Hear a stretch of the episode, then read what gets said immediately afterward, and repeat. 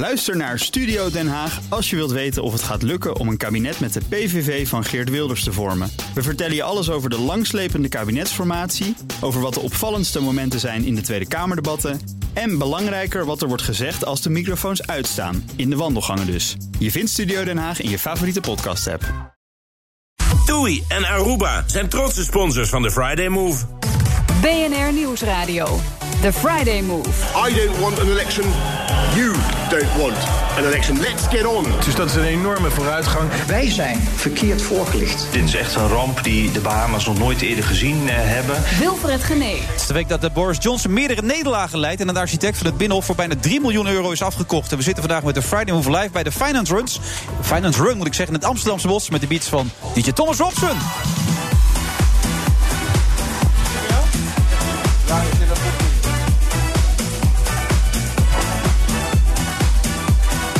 Je merkt dat ook de presentator even aan een buitenpresentatie moet winnen. Dat is alweer een tijdje geleden. De laatste keer was dat op Aruba. Toen waren de omstandigheden ietsje beter. Met Toei en zo, je weet dat wel. Mijn co-host van vandaag is trouwens Paul Jansen, hoofdredacteur van de Telegraaf. Maar we moeten het nog even zonder hem doen, want hij is nu de 5 kilometer aan het rennen van de Finance Run. Het sportiefste element, uh, evenement moet ik zeggen, van de financiële wereld. Dus zit hij gelukkig Maarten Spanje, de schrijver van Nederland op dit moment. En ook schuift Wim Jonk aan, sinds kort trainer bij FC Volendam. Nou, dat is een goede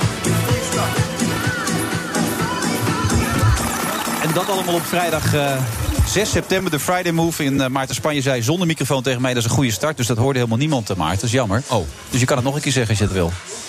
Nou, nee, dat zijn jouw woorden, de schrijver van Nederland op nou ja, dit moment. Ik, ik las het, ik doe bereid me ontzettend goed voor natuurlijk op dit programma altijd, dat weet jij. Ja, ja. En ik las een aantal interviews met jou en jij voelt je miskend als schrijver, las ik. En daar wilde ik toch het thema van maken in dit interview. De grote schrijver Maarten Spanje.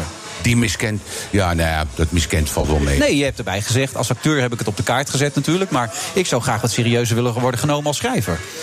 Uh, ja, nee, maar dat, dat komt ook een beetje omdat uh, als jij humor in je verhalen brengt, dan wordt het vaak een beetje uh, ja, als minderwaardige literatuur gezien, heb ik wel eens gemerkt. Is dat waar? Ja, je moet tegenwoordig moet je hele dikke boeken schrijven. En heel zwaar dan ook. En zwaar. En, en over ellende. En het helpt ook als je een seksdagboek uit, uitgeeft. Ik denk dat het in mijn geval niet zou helpen. Nee, waarom niet? Je hebt dan een stevig seksleven achter de rug, toch? Of niet? Ja, maar dat is achter de rug. Hoewel. De, ja? de nog steeds actief? Nog veel geheimen natuurlijk in Ja. zich. Maar uh, nee, dat, dus, dat geldt meer voor uh, mensen als Helene van Rooyen, hun seksdagboek en zo. Maar dat Ja. verbaast me dus altijd een beetje. Dat je, want Maar humor is juist toch leuk? Ik wil een boek als Schijp, dat, dat verkoopt er als een tierenlier... omdat er ook zoveel humor in staat, toch? En omdat het uh, drie keer in de week op televisie in beeld kwam natuurlijk. Echt waar? Welk programma? Ja, dat, dat ken jij beter dan ik. Maar promotie is ook belangrijk in deze, zeg jij. Als ik meer promoties zou hebben, zou ik ook meer als, als schrijver op de kaart staan. Dat is wat je eigenlijk eh, concludeert. Uh, nee, dat, nee dat, want ik heb Als wij drie keer per week dat boek voor jou, dit boek bijvoorbeeld omhoog zouden houden... Maarten Spanje gelukkig een herinnering... Nou. dan is hij binnen de kortste keren een bestseller. Ja, dan garandeer ik jou bij uh, 20.000 exemplaren dat we dan in het Amstelhotel gaan eten. Maar dan moet je hem dus wel drie keer omhoog houden. Maar ja, je hebt het niet bij de uitgeverij van, uh, van VI gedaan, zie ik. Dat is misschien ook dom van je, dat had je moeten doen. Nee, maar het zijn ook niet uitsluitend voetbalverhalen. Nee, maar het hoeft toch niet? Het wordt toch steeds breder. Zijn die voetbalverhalen, zijn het de verhalen van Wim Kieft en van de Grijp alleen voetbalverhalen? Het zijn verhalen uit het leven. Leven, ja. Ja. Ja. Ja, je komt er ook nog regelmatig in voor, hè? Ja, daarom. Uh, ja, nee. Nou ja, als, als mensen van grijp houden, uh, laat ik zeggen het boek. Ja. dan weet ik zeker dat ze dit ook heel leuk vinden. Oké, want maar er zit toch ook genoeg ellende in? Ik bedoel, zo leuk was jouw jeugd niet. Het is een, een boek vol herinneringen. Waarbij armoede, eh, een groot gezin, je vader sloeg je.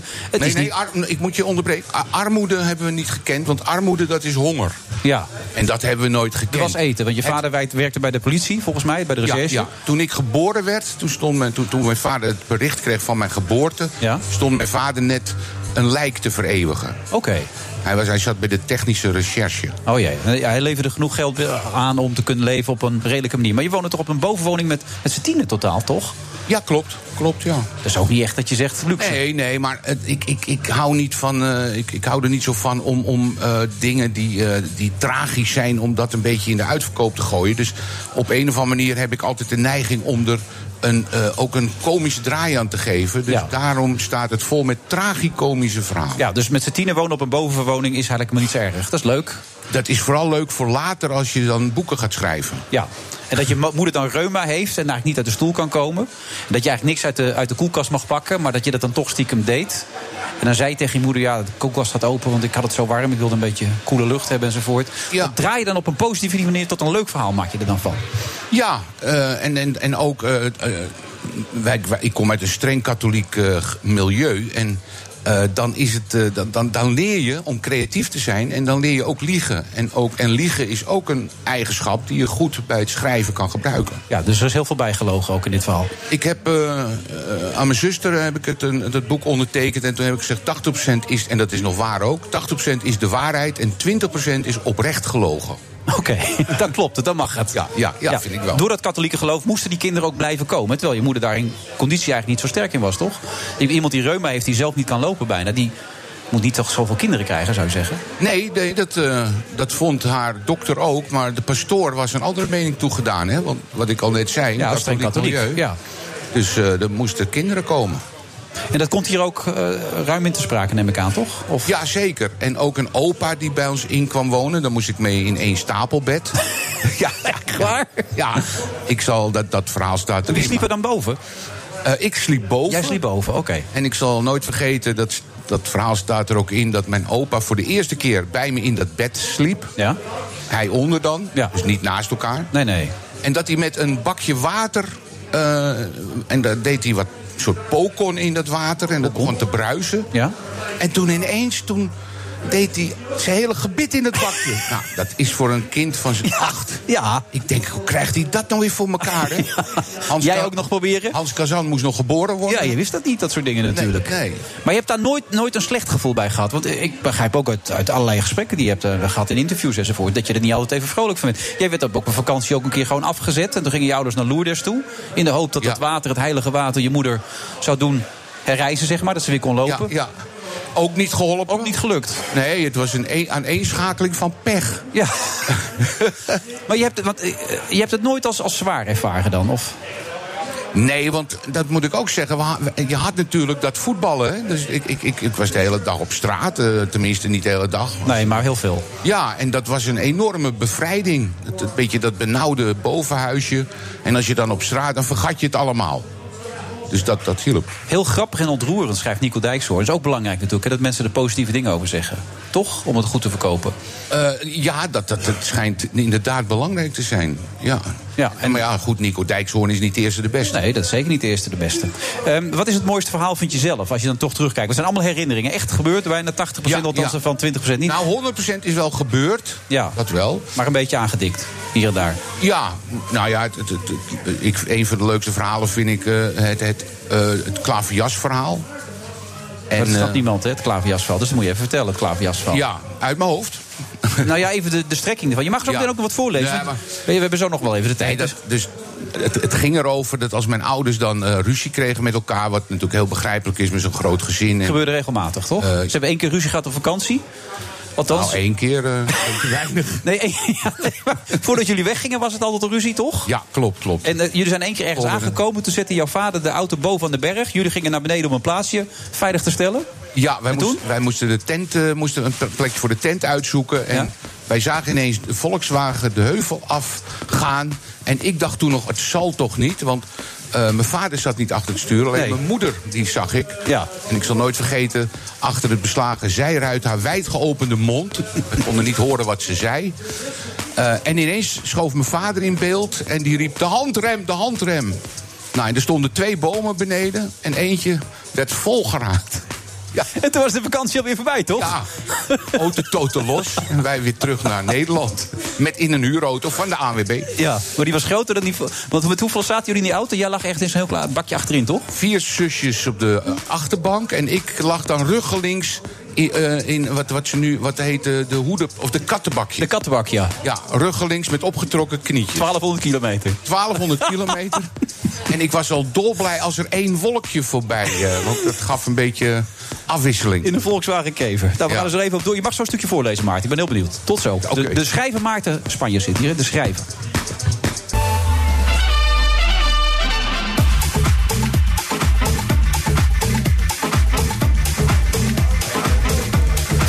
Vrijdag eh, 6 september. We zitten vandaag bij de Bosbaan. Daar is weer de Finance Runs bezig. En we wachten op Paul Jansen, die eigenlijk... Ik denk dat hij in 35 minuten die eh, 5 kilometer door kan jassen. En hij komt straks ook nog als co-host erbij zitten. De meest sympathieke hoofdredacteur van de Telegraaf. Eh, en naast me zit nog eh, steeds eh, Maarten Spanje. Maarten schrijver, Maarten Spanje, voorheen acteur. Doe je nog wel iets met acteren?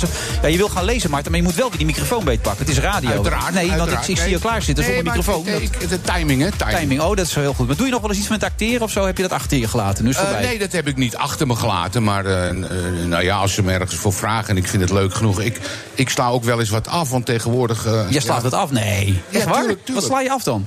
Nou, bijvoorbeeld Vliegen. Als, er, als je met vijf bejaarde mannen naar eh, Indonesië... Dat zag je niet nee, zitten. dat zag ik niet zitten. Echt niet? Dat was een leuk Nee, programma, dat- toch? dat Met mezelf verkennen zo. Nou, je bent wel iets vitaler dan Willy Wordt Ja, vind ik bijvoorbeeld. Of... Ik, ik kan nog zelfstandig eh, mijn eigen onderbroek aantrekken. En dat kon Willy Brood niet, had ik gezien. Hij is gisteren 78 geworden. hè?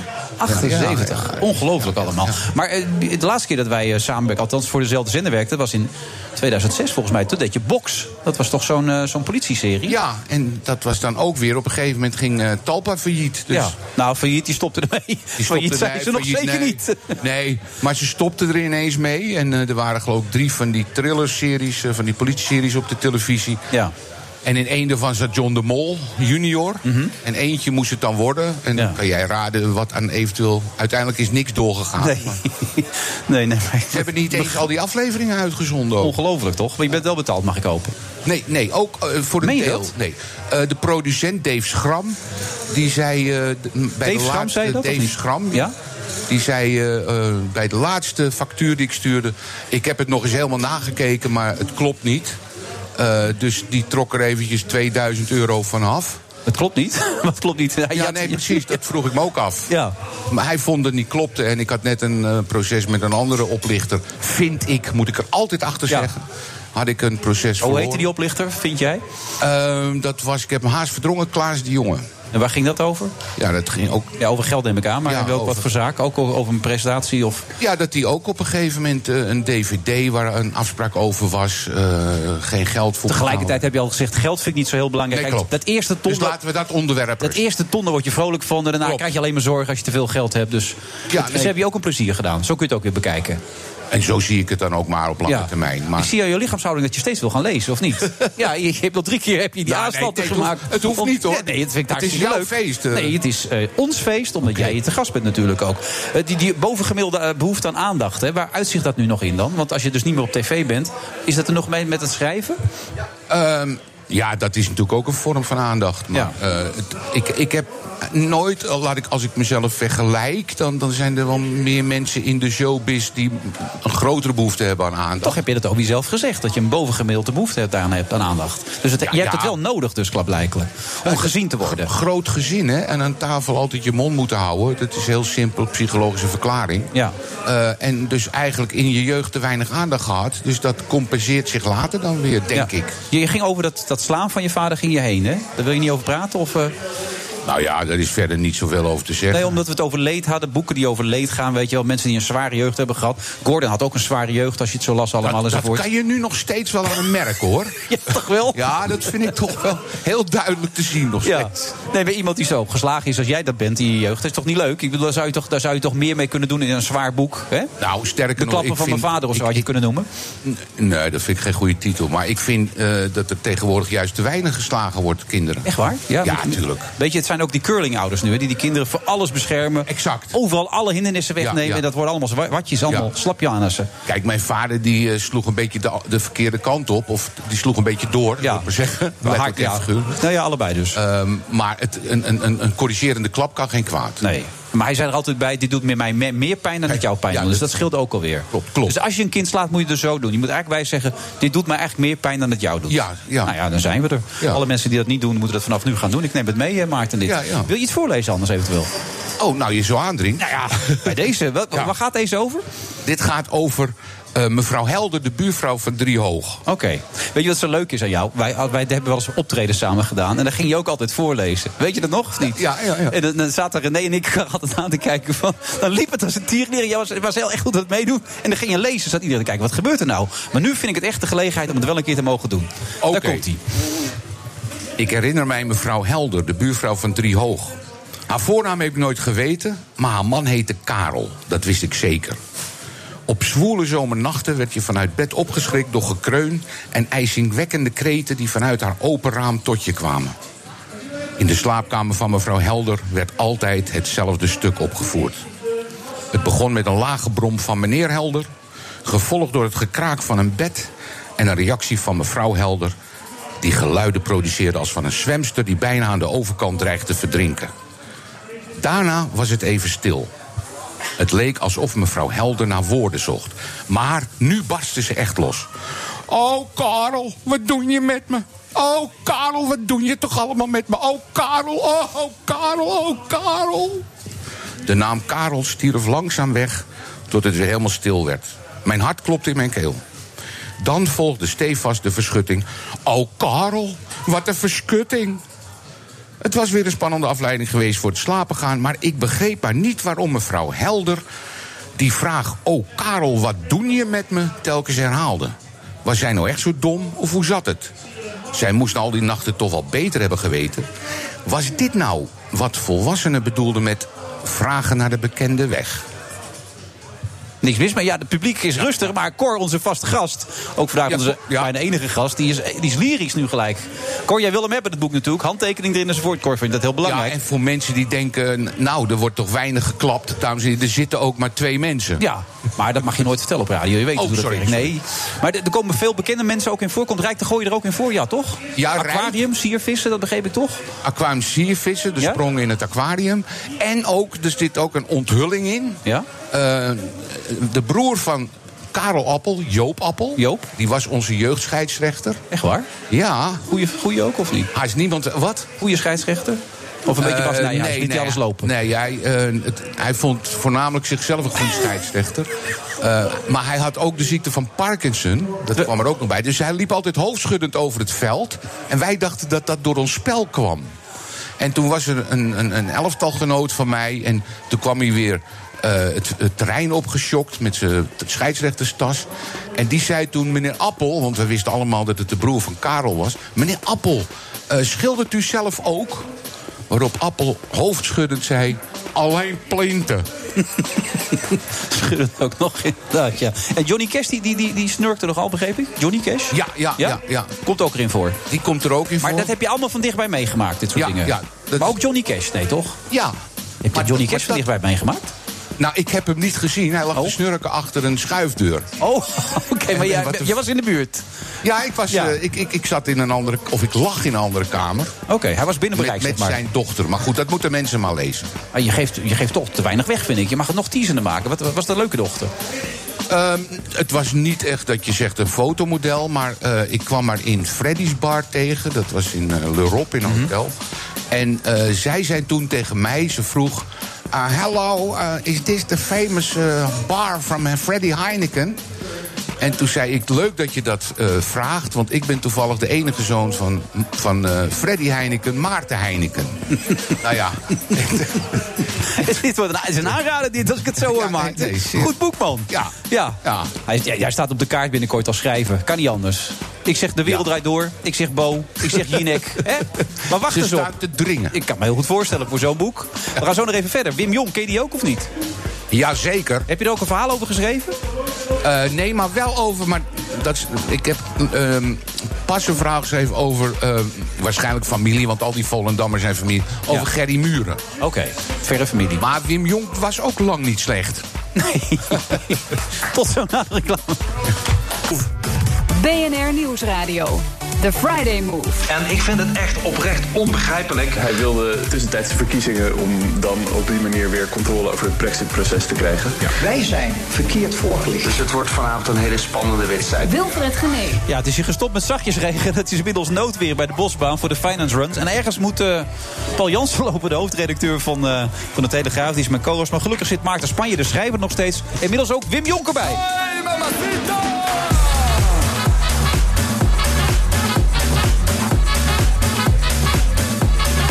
mensen inmiddels met de onderkoelingsverschijnselen afgevoerd, zie ik. Het is echt eh, barbaars wat hier allemaal om, eh, op, aan, aan de gang is eh, op de bosbaan. Maar gelukkig hebben we onze eigen DJ nog. DJ Thomas Robson.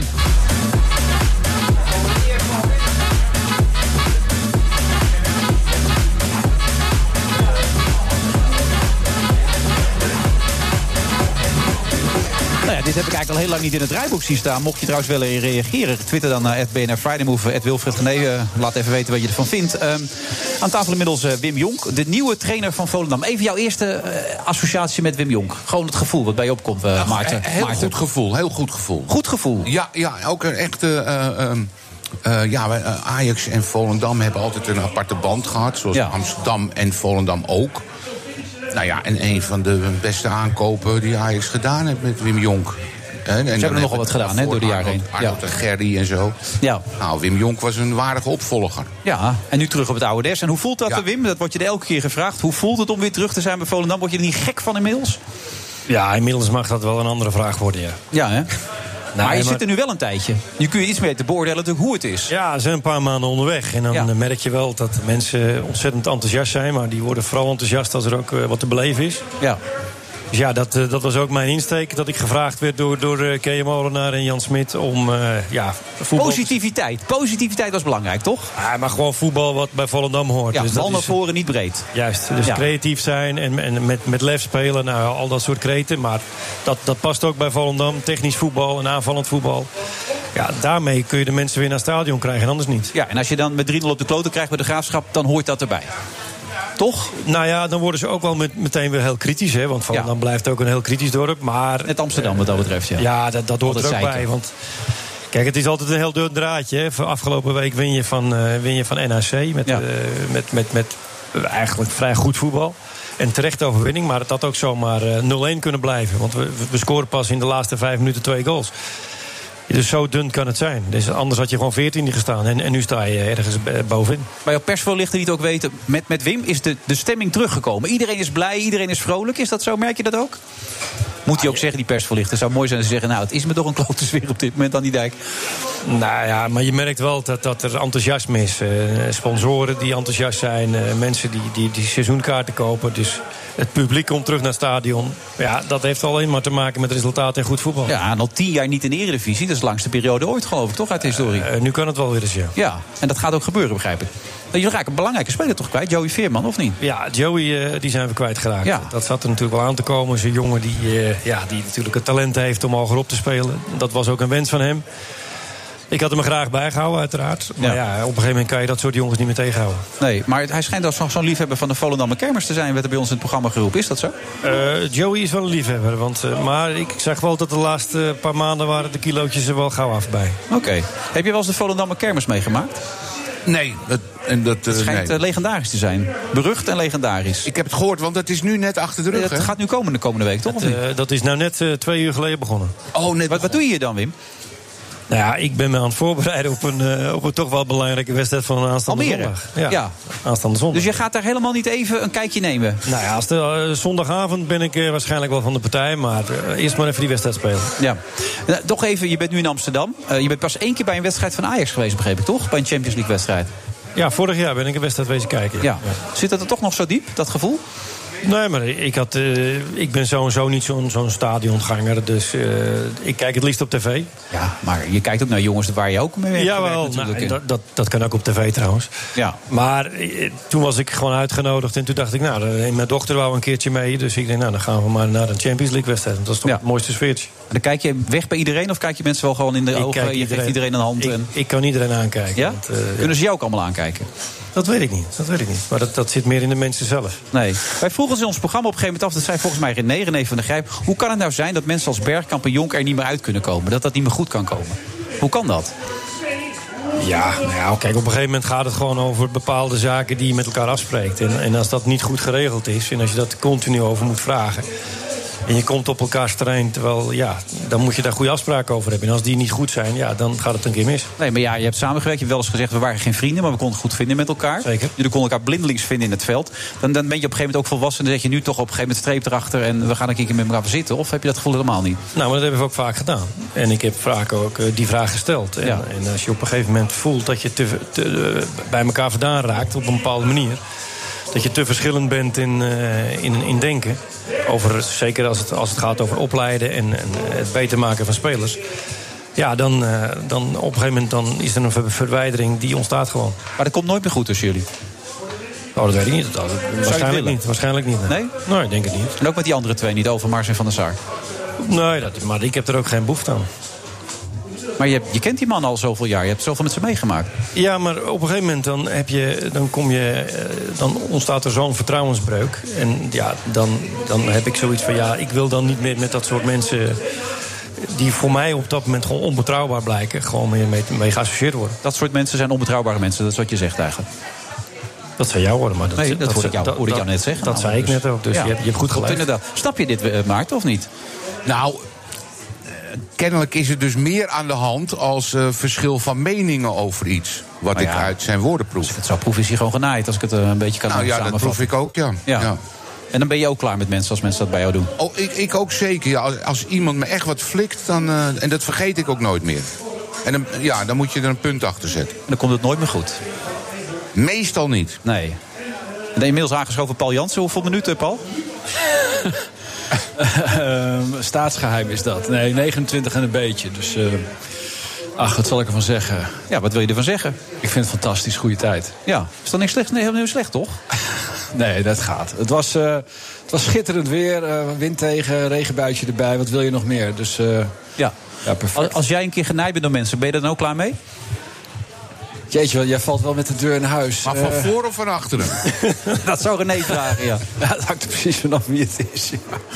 Eh, nou ja, dat hangt helemaal van de situatie af. Ik heb, als je het hebt in figuurlijke zin, dan eh, is het meestal wel klaar, ja. ja.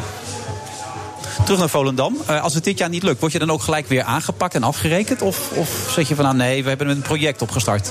Een proces, zoals Den Haag zou zeggen. Ja, dat, is, dat zijn altijd mooie woorden. Hè? Maar als er resultaten uitblijven, dan gaan de mensen ook gauw weer draaien. Dus. Maar ik, ik, ik heb met goede mensen te maken waarvan ik eh, denk dat die, het, eh, dat die het wel snappen. Maar wie, wie zijn die goede mensen dan?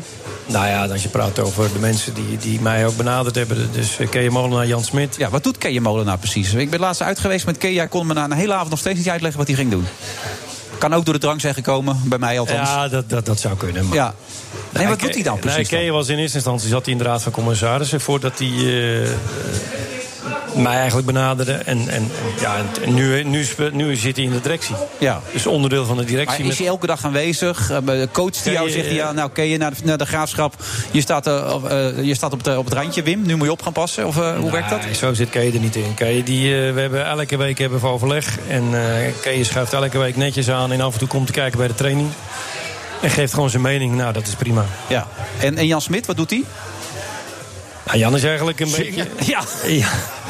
Nee, maar Jan is natuurlijk een enorme, enorme ambassadeur voor de club. Die ja. natuurlijk uh, ontzettend veel lijntjes kan openen naar, uh, ja, naar sponsoren en dat soort zaken. En, en ja, is, is voor, voor de club goud waard.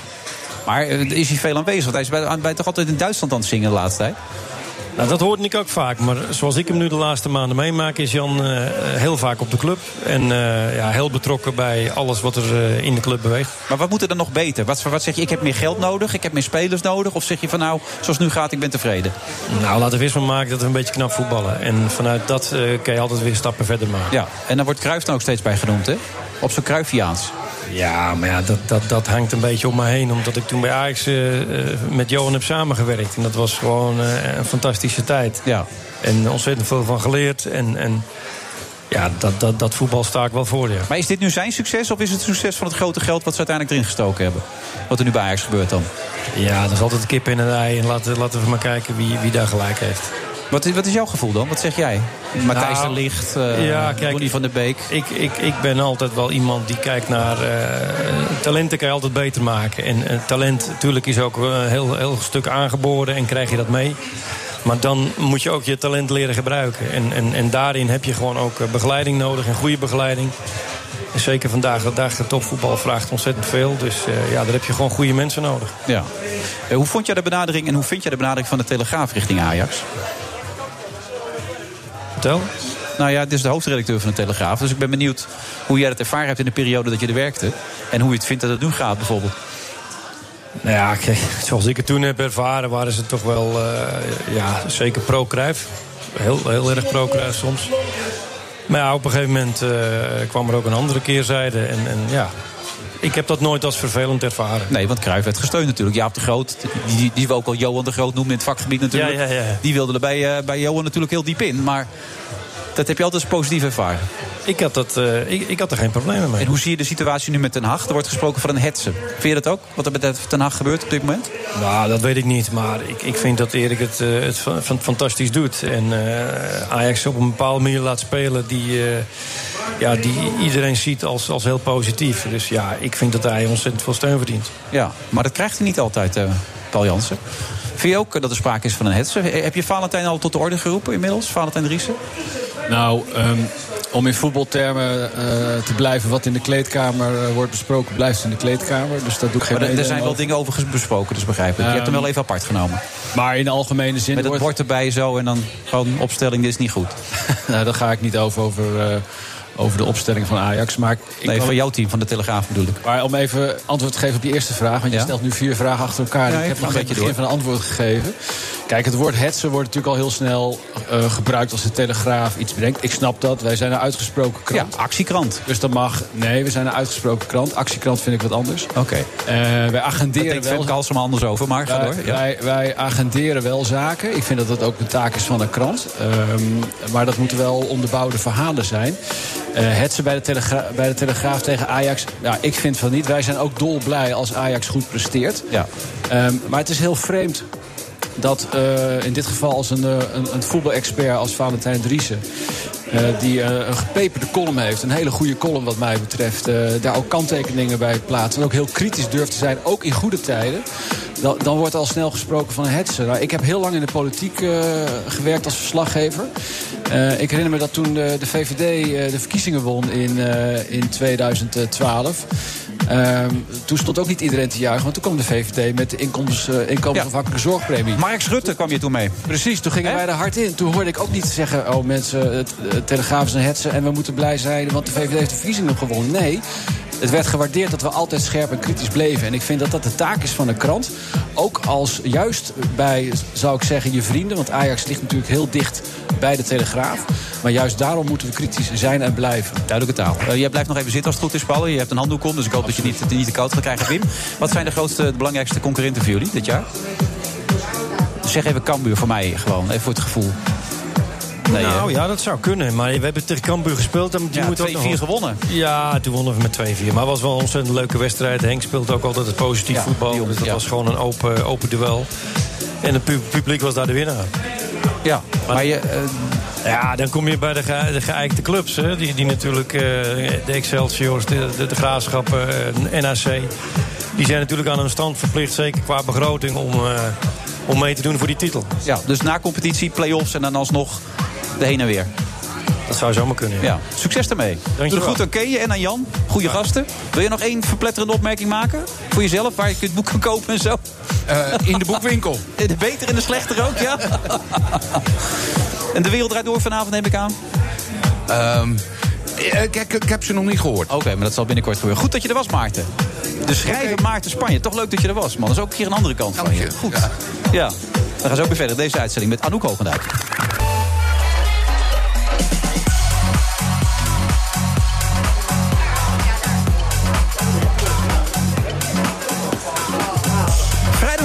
Vrijdag, eh, vrijdag eh, 6 september. We zitten aan het eh, Amsterdamse Bos, de Bosbaan. De meeste mensen zijn inmiddels binnen. De regen is ook gestopt, dat scheelt een stuk. Ook Paul Jans is inmiddels binnen, net binnen de 30 minuten.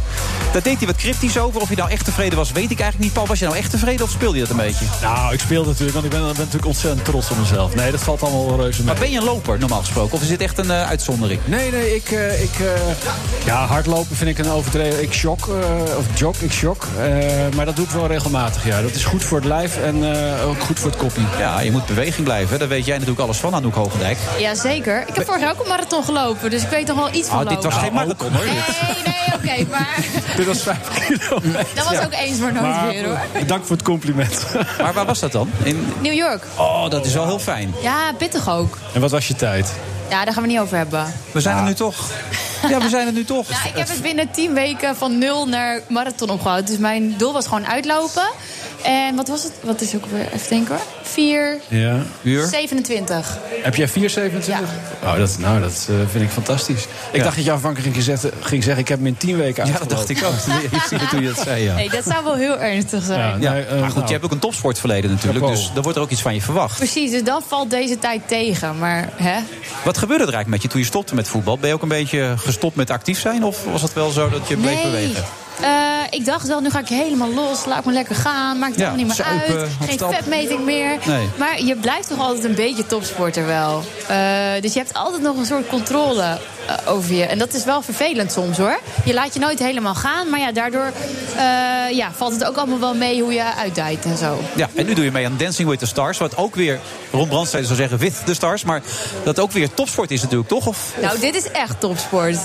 Want ehm, ja, ik ben natuurlijk gewoon een leek. Ik heb een instapniveau van eh, min 2. En, eh, je hebt nog nooit gedanst in je leven voordat je dit deed. Nee, ja, toen ik vijf was zat ik op jazzballet. Maar dit is ballroom en Latin. Ja. En opeens moet je eh, op hakken gaan. eh, nou, ik loop eigenlijk altijd op sneakers. Dus Nee, dat was, voetbalschoenen toch ook vaak nog steeds. ja, dat ook. Ja. Dus dat was al een dingetje. En dan moet je niet alleen op lopen, maar dan moet je echt op dansen. En vijf uur per dag soms ging ik oefenen. En die heupen en die houding. En het lijkt gewoon ook in helemaal niks op voetbal. Ik heb echt helemaal niks aan mijn voetbalverleden. En bak je er wat van? Nou, inmiddels eh, wel. Maar in het begin eh, dacht mijn partner wel eventjes van... eh, dit Want die is professional, hè, die partner van jou. dat is Jesse en hij is professional. Dus dat is ook wel confronterend. Want dan staan we voor de spiegel. En dan zegt hij, doe maar even dit. En dan gaan die heupen zo naar voren en die benen. En dan staat er een camera bij en dan moet ik dat gaan doen. En dan zie ik gewoon dat contrast. Dus als ik met de andere beginners sta, is het leuk. Maar dit is gewoon niet leuk. Wie is de slechtste tot nu toe, denk jij? De slechtste? Oeh, ik heb nog niet iedereen gezien. Want wij oefenen vaak... Nou, tegelijk- van de mensen die je gezien hebt, waarvan je echt zegt, die kan er helemaal geen hout van. Ja, die zijn er dus niet, want we moesten auditie doen. Oké. Anders is het niet leuk voor die profs. Maar ik weet wel dat, eh dat Gijs in het begin ook wel een beetje moeilijk Gijs Staverman, Gijs ja. Staverman. Ja, met wel heel lange- gezellig Dat met lange lijf natuurlijk, hè? dat blijft maar Hij bewegen. is lang Ja. inderdaad. Dat is niet heel echt een voordeel. En dan hebben we Helene van Rooij, die heeft echt keihard geoefend. Eh, ja, die vond het ook niet makkelijk. Er zijn er wel een paar die, die al een heel hoog instapniveau hebben. Zoals? To- Tooske. Tooske Ja, die, kan, ja, die heeft natuurlijk een musical, dat soort Ja, dingen dus die gedaan. kan eigenlijk al best dansen. Eh, Barry Stevens. Barry doet ook mee? Ja. Vooral doorgaan, Vooral die? door- ja. Zo. Die is ook echt goed. Keizer, die heeft het ook helemaal in zijn lichaam zitten. En dan heb je er een paar die hebben gewoon eh, podiumervaring. Zoals Birgit Lewis en Samantha Steenwijk. Ja. Dus die staan er allemaal heel makkelijk. Ja, en ik ben gewoon heel fanatiek. Dat is dan mijn voordeel. Maar ehm, Je, ja. je, je, je manoeuvreert jezelf nu in de underdog al, dat heb je wel door, hè? Nee, ik zit wel bij de fanatiekste hoor. Dus Jawel. ik heb wel het meest getraind. Dus dat, eh, ja. En ik ken mijn lichaam, dus dat is ook mijn voordeel. Hoe bedoel je? Nou, als hij zegt van eh, je moet dit aanspannen en draaien en zo. Je, je weet wel hoe je lichaam moet isoleren en aanspannen en hoe je spieren werken. Dus ik heb ook voordelen. Ja, en je ziet er nog steeds goed uit. Dat kan ook meespelen Dankjewel. Ik natuurlijk. kom wel rechtstreeks uit de studio. Ik ben wel een beetje moe. Ja. Paul, zou je daar zelf wel mee willen doen als, als bekende Nederlander? Aan, eh, Dancing with the Stars. Nee, ik was vroeger meer van het brommerskieken. Dus, eh, Dat heeft toch helemaal niks hiermee te maken? jawel, want dat, ging, dat, dat deed je altijd op feestjes waar veel gedanst werd. Ja, precies. Maar als Dus je dit dus kan, dan kan je meer brommers kieken, hè? ja, dat is ook wel weer waar. Nee, ik denk niet dat, eh, dat ik hier enig talent eh, zelfs niet verborgen heb. Dus dat lijkt me geen goed plan. Zijn het überhaupt programma's waar je naar kijkt? Is het jouw amusement, zeg maar? Ehm, nee, ja, nee, dat klinkt flauw, maar ik heb daar gewoon geen tijd voor. Dus eh, Morgenavond, hè? morgenavond. Nou, welke zender eigenlijk? Want ik weet RTL eigenlijk 4. God niet meer bij welke zenders dat allemaal is inmiddels. 8 uur, primetime, RTL 4. Chantal Jansen presenteert het, dus superleuk. Ik zou zeggen, kop hem even in, dat doe je meteen heel goed. Ja, acht uur. Ja. Oké, nou, ik zal, het eens, eh, ik zal het eens thuis een balletje opgooien of het door eh, de vier kinderen, toch? commissie van mijn kinderen komt. Hoe oud zijn je kinderen dan? Die zijn eh, tussen de 7 en 17. Dus, eh, Oh. ja. Je ging nadenken, zag ik. ja, ik zag opeens zo'n blik. het er zo, Ik moet even heel diep nadenken. Het zijn er vier. Oh ja. Ja, dan moet je even nadenken Nee, dat natuurlijk. snap ik. ja, ja, ja. Ik had trouwens laatst Valentijn Driessen, die toch net te sprake is op. Die kon niet meer op de leeftijd komen in de uitzending. Nou, kan je nagaan. eh, ik, ik, nader, ik nader ook wel eh, die gevaren zonder dat je dat gaat afvragen. Maar ik weet, ik weet het nog steeds. Ja. Wat wel opmerkelijk is, en dat zie je nu van de week ook bij, bij de zender waar ik dan bijvoorbeeld voor werk. Althans niet de zender letterlijk Veronica, maar bij, bij SBS 6. Lingo, Man bij het hond. Het, het, het komt allemaal weer terug. Ja, Waar dat vind ik wel door, leuk hoor. Jij vindt dat leuk? Ja, ja, ik vind dat best wel leuke programma's. Ehm, Maar is het ook niet een gebrek aan creativiteit dat, dat we het allemaal met z'n allen niet meer weten? Of, of is het nostalgie? ja, ik denk, voor ons is het nostalgie. Dus ik weet niet of de generatie van nu het net zo leuk vindt als dat wij het vinden. Nee, ik denk, ik, sorry dat ik je onderbreek, maar Nee, ik denk dat het ermee te maken heeft dat de jongere generatie überhaupt geen tv meer kijkt. Eh, dus de oude generatie wil dit gewoon weer zien. Ja, ja nou, dat, dat, ik denk dat dat serieus zo is. Je ziet dat, eh, wat je bij kranten ziet, ook eh, bij lineaire televisie... Het, het publiek vergrijst enorm. Ja. Ik zie het ook thuis, hè, mijn vier kinderen. Die, Ja, tussen 7 en 17, toch? Die. Eh, eh, dat waren ze net. Ik zal eens Ja. checken of er iemand verjaard is in de tussentijd. Maar eh, die kijken eigenlijk alleen maar eh, op, op de iPad. eh, YouTube, op dat soort dingen, ja. YouTube. En, en die kijken niet meer wat hun wordt voorgeschoteld, maar wanneer het hun uitkomt. Ja, laatste keer trouwens dat we hier zaten volgens mij aan Hoek heb ik gevraagd... wat zou je nog meer graag willen? Je hebt ambities, ook op presentatiegebied enzovoort. Hoe lijkt dat op dit moment? Heel ver weg. Ik dans alleen nog maar. Echt waar? Ja, ik val zo'n blok in slaap. Het is echt, ik ben gewoon weer topsporter. Oké. Dus- Maar er speelt niet iets aan de horizon of je denkt dat gaat komen... of eh, mensen kunnen gewoon Nee. bellen. Dat is eigenlijk wat je zegt. Don't call us, we call you, maar... Ja, maar het is gewoon lastig, want ik weet niet of ik er één week in zit of acht weken. Dus ik moet mijn agenda gewoon vrij plannen. Het is gewoon fulltime dansen. Maar je bent toch wel aan het plannen. Na acht weken moet je toch weten... Je wilt dat toch zo graag? Meer doen op tv? Eh, niet per se hoor. Oh. Alleen als het echt iets is wat bij me past. Dus niet dat ik denk, ik moet op tv. Als er iets voorbij komt wat niet in mijn straatjes, dan denk ik, nou, dat mag iemand anders doen. Ja, online ook veel bij de Telegraaf bijvoorbeeld zou ook nog kunnen, hè? Steeds meer mensen online. Nou, Dat vind ik wel leuk, Absoluut, ja. we hebben een hele videotak tegenwoordig. Dus eh, Daar ben ik langs geweest tijdens de WK. nou, kan je nagaan. Je kan je onze studio. Ja. Precies. Dan kan je, Je hoopt dat hij leuk zeggen, dansen. kom nog een keer langs, maar dat zegt hij niet. Maar Maar ik zag geen eh, blik van herkenning bij hem. Dat hij dacht, oh, dat was jij. Maar dat maakt Nee, niet uit. Betrapt, ja, Ja. nee, klopt. Nee, alles valt van het geschreven woord nog steeds. Nou, succes Anouk. Morgen gaan we Dankjewel, kijken. dat zou ik nodig hebben. Even, even voor mijn plaatje, is dat dan live? Het is live, dus ja. Ja, Oh, dat vind ik nog wel spannend aan, ja. dat vind ik heel spannend. Ik had net studiorepetities voor het eerst. Met die camera's erbij. En toen was het best spannend al. Ja, die laatste seconde voordat je op moet. Oh ja, en normaal heb je 90 minuten. En nu Ja. 90 seconden. Jeetje. Je kan je fout niet goed maken. Dus er gaat zoveel door je hoofd. Nou, ik, eh, ik benijd je niet, eerlijk gezegd. Dat, eh, ik nu ook even niet. nee, heel veel sterkte gewenst. Dankjewel. En daarna online bij de Telegraaf. Oké, succes. Doei. Doei doei. BNR Nieuwsradio. The Friday Move. I don't want an election you don't want an election. Let's get on. Dus dat is een enorme vooruitgang. Wij zijn verkeerd voorgelicht. Dit is echt een ramp die de Bahama's nog nooit eerder gezien eh, hebben. Wilfred Genee. Vanaf het eh, Amsterdamse bos in Amsterdam, de Finance Run. Omstandigheden zijn niet ideaal, maar onze eigen DJ maakt er een feestje van.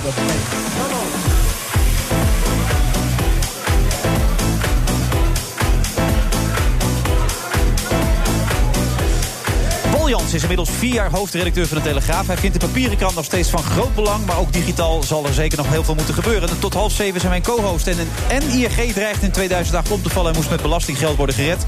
Dat had voorkomen kunnen worden, schrijft Roel Jansen in zijn boek.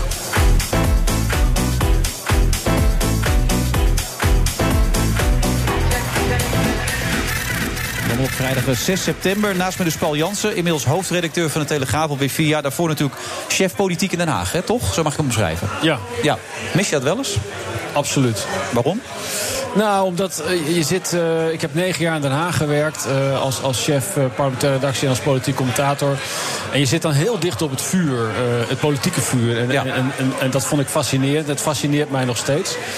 Eh, alleen als jij eh, op afstand zit, misschien op veilige afstand. Hè, ik zit nu tegenwoordig eh, op het hoofdkantoor in Vinden die politici ook wel, denk ik, hoor. Ja, dat je dat- op veilige afstand inmiddels zit. Ja, ja, ja, dat snap ik. Maar dan, dan mis je heel veel, heel veel achtergrondinformatie. En die achtergrondinformatie is wel cruciaal om echt een goed oordeel te kunnen vormen. En, en, en, eh, over wat er, wat er nu feitelijk gaande is in Den Haag. Dus ja, dat, dat mis ik.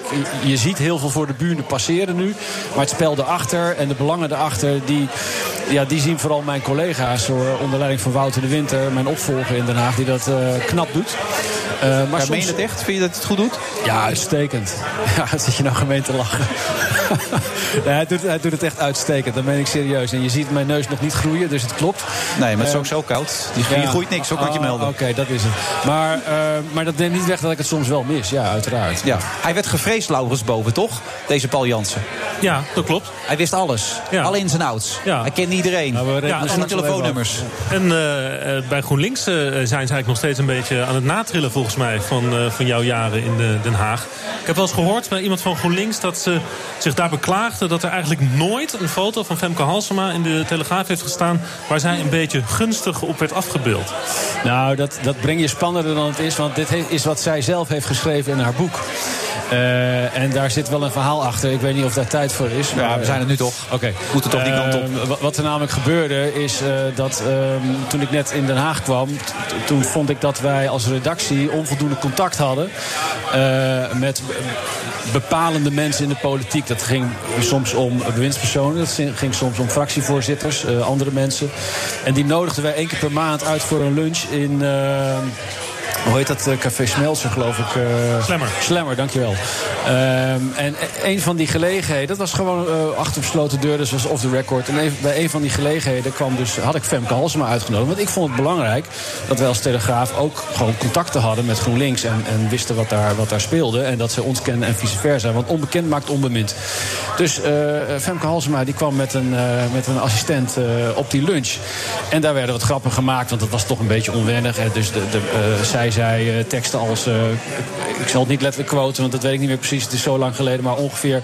Ja, als wij de Telegraaf lezen, dan eh, ligt het al snel in de kattenbak. Ha, ha, ha, dat vonden wij allemaal erg grappig. En toen zeiden wij, ja, we schrijven liever niet over jullie... maar als we het dan toch moeten doen, dan zetten we er natuurlijk wel een ongunstige foto bij. Ha, ha, ha, dat vonden we allemaal erg grappig. Alleen die context, die heeft zij later in haar boek weggelaten... waardoor het een ernstige lading kreeg die het niet had. Maar dat krijg je vaak. hè, Vrouwenhumor, links. Altijd lastig natuurlijk, die combinatie. Inmiddels Jij rechts hier ook aan tafel. Jan Middendorp. ehm, nou, die is heel blij met de Telegraaf, toch Jan? Ja, ik heb ook helemaal geen katten, dus eh, die Nou ja. Telegraaf ben ik blij mee. Dat scheelt ook. Maar het is toch een beetje jullie lijfkrant, hè? Zeker, het is ook geweldig om zo dicht bij het vuur van Paul Jansen te zijn. Dat Ja, voelt dat fijn? Voelt dat aangenaam? Merk je dat ook, die warmte meteen? Ja, ik ben volgens mij net gekomen toen hij wegging, dus ik was net te laat in Den Haag. Dit is de eerste keer dat we zo dicht bij elkaar zijn. Toen zat je nog in het bedrijfsleven. Ja, 17 jaar. Ja. Maar is dit leuker dan? Waar, wat bezielt iemand überhaupt om uit het bedrijfsleven weg te gaan de politiek in te gaan? Nou, dan, eh, ik begin even met je eerste vraag. Is dit leuker? Ik krijg hier wel veel energie van. Het is wel echt een verschil als je in, eh, in Den Haag bezig bent. Doe je af en toe wel dingen Ja, die, eh, ja, die echt voor mensen wat betekenen. Ja, en die tweede vraag dan? Wat bezielt je om de politiek in te gaan? Tweede vraag. Nou ja, ik heb, eh, ik heb altijd wel geweten dat ik een overstap ging maken. Ik heb eh, ook in het buitenland eh, lang gewerkt. Goed verdiend, neem ik aan. Ging niet slecht, maar ik heb altijd geweten dat ik de overstap wilde maken. Ehm, en dat heb ik ook gedaan. Oké, ik, ik, ik lees in een interview met jou. Ik zie het als een enorme kans om te werken aan een overheid die levert. Een overheid die mensen de ruimte geeft en zelf geen geld verspilt. Maar efficiënt en innovatief werkt. Zoals met die, met die architect van het Binnenhof. Die, zoiets bedoel je dan? Ja, dat is niet eigenlijk. Ellen van Loon, afgekocht voor 2,7 miljoen. Ja, zonde van het geld. Ehm, en ehm, dat is nou precies waarom ik denk dat soort projecten, eh, renovatie van het echt het mooie binnenhof, half miljard, moet je ook zakelijk gedisciplineerd doen. En als je dat niet doet, kom je in hele ingewikkelde situaties. Daar zaten we ook in. Ehm, ik denk dus ook dat het best wel eh, goed is voor iedereen die op het binnenhof werkt en dat gebouw een warm hart toedraagt, dat we nu weer gewoon voorwaarts gaan. Maar, zonde van het geld is zeker 2,7 miljoen. Jij zou een exclusief interview hebben vandaag, begreep ik. Ja. Met Ellen van Loon. Ik las ook een, een tweet van George Freulich. Ja. Maar Nieuwsuur heeft haar geclaimd, begrijp ik? Ja, nou ja, er komt vanavond inderdaad eh, eh, nieuws naar buiten eh, vanuit eh, OMA. Die zullen de plannen presenteren, publiceren. Die zij tot nu toe hebben gemaakt Ja. voor de renovatie van de Tweede Kamer. En dat is wel Die altijd goedgekeurd zijn geweest, toch? Of... Ja, die ook altijd geheim zijn geweest. Oké. En dat is eigenlijk nog een groter probleem. Eh, Jan die zei het al, van, eh, we zijn in, in, op het Binnenhof met deze verbouwing in een hele rare situatie beland. En dat komt voor een belangrijk deel omdat het geheime plannen zijn. Allemaal geheime plannen. En eh, Ellen van Loon is op een bepaald moment zijn haar plannen megalo- megalomaan genoemd. Mhm. En ja, dat is eigenlijk niet controleerbaar, hè? En dus het wordt heel interessant. Vanavond gaat ze ze dus daadwerkelijk En publiceren. dan kunnen wij dus zien hoe megalomaan het was. Of... Ja. ja. Maar dat had ze eigenlijk aan jou beloofd. Ja. Nou, lekker. Ja, ja, goed, ja. Je bent genaaid. Ja, ja, de Telegraaf is ook gepasseerd. Ben je Ja, ook gepasseerd, eh, en, Paul. eh, Hoe voelt dat? Ja, en ik- als Telegraaf zijnde? ik hoor het, ja. Nou, in dit geval eh, vind ik dat eh, niet zo'n ramp, eerlijk gezegd. Waarom niet? Nou, omdat, omdat ik denk dat eh, dit, verhaal, eh, wat, wat hier verteld eh, moet gaan worden door het, door het bureau. Ik kan me voorstellen dat het de lezer van NRC iets meer interesseert dan de lezer van Telegraaf. Wat mij Nou, vooral. ja, ik, ik moet eerlijk zeggen, als ik hoor dat er 2,7 miljoen wordt betaald aan iemand... Ja, nee, maar dat is. dan wil ik ook Ja, maar- weten waarom het nou zo gelopen is. Dan wil ik ook weten waarom ze weggestuurd is. Maar, maar dat, is, dat is niet het verhaal wat zij willen vertellen. Zij willen vooral zichzelf rechtvaardigen. eh, heb ik begrepen. En uitleggen dat ze helemaal geen megalomane plannen hadden. Maar wat, wat mij vooral interesseert is als er achter gesloten deuren allemaal een deal was. En dat moet geheim blijven. Waar is het gaan schuiven? En wie is er gaan schuiven? En dat zijn de essentiële vragen. En Nou, ik, dat we- ik denk niet dat we dat vanavond gaan horen. Nou, wat zij natuurlijk ook gaan schetsen is dat ehm, eh, hoe, de, hoe de gesprekken zijn gegaan, hoe de onderhandelingen over dat ontwerp zijn gegaan. En ik heb de afgelopen maanden ehm, heel veel mensen gesproken die bij die binnenhofverbouwing betrokken zijn geweest. Ook mensen die er al jaren toen het geleden, toen het begon, bij betrokken zijn geweest. Die mij vertellen, we hebben met verbazing zitten lezen hoe dit de afgelopen paar maanden is ontspoord. Want het was allemaal goedgekeurd. Er is een, de Rijksgebouwdienst is hierbij betrokken. We hadden alle plannen goedgekeurd. De ambtelijke organisatie van de Tweede Kamer, dus de medewerkers, hadden het allemaal goedgekeurd. Alle wensen. Het is op een bepaald moment in het politieke beland. En daar is, het schuiven ontploft. dus. Ja. Ja, en ehm, om je een voorbeeld te geven, een van de dingen die op een bepaald moment. Er is heel veel heel schadelijk gelekt. Hoort de muziek, hè? Zou je die voorbeeld dat kunnen vasthouden of lukt dat niet? Ja, dat kan. Je hebt trouwens een Willem-Alexander-baard. Waarom is dat? Ja, dat zeggen heel veel mensen. Ja, maar waarom is dat dan? Het is een vakantiebaard die een werkbaard. Ik las in de Telegraaf dat een baard gezag uitstraalt. Dat stond zeker in dat kleine kutstukje voorop, of niet? Nee, dat was niet? de baard van Willem-Alexander. Oh, oké. Ja, sorry, maar dat is zo'n raar stukje daarvoor op. Maar goed, we gaan zo weer verder. Hou dat voorbeeld vast. Ja.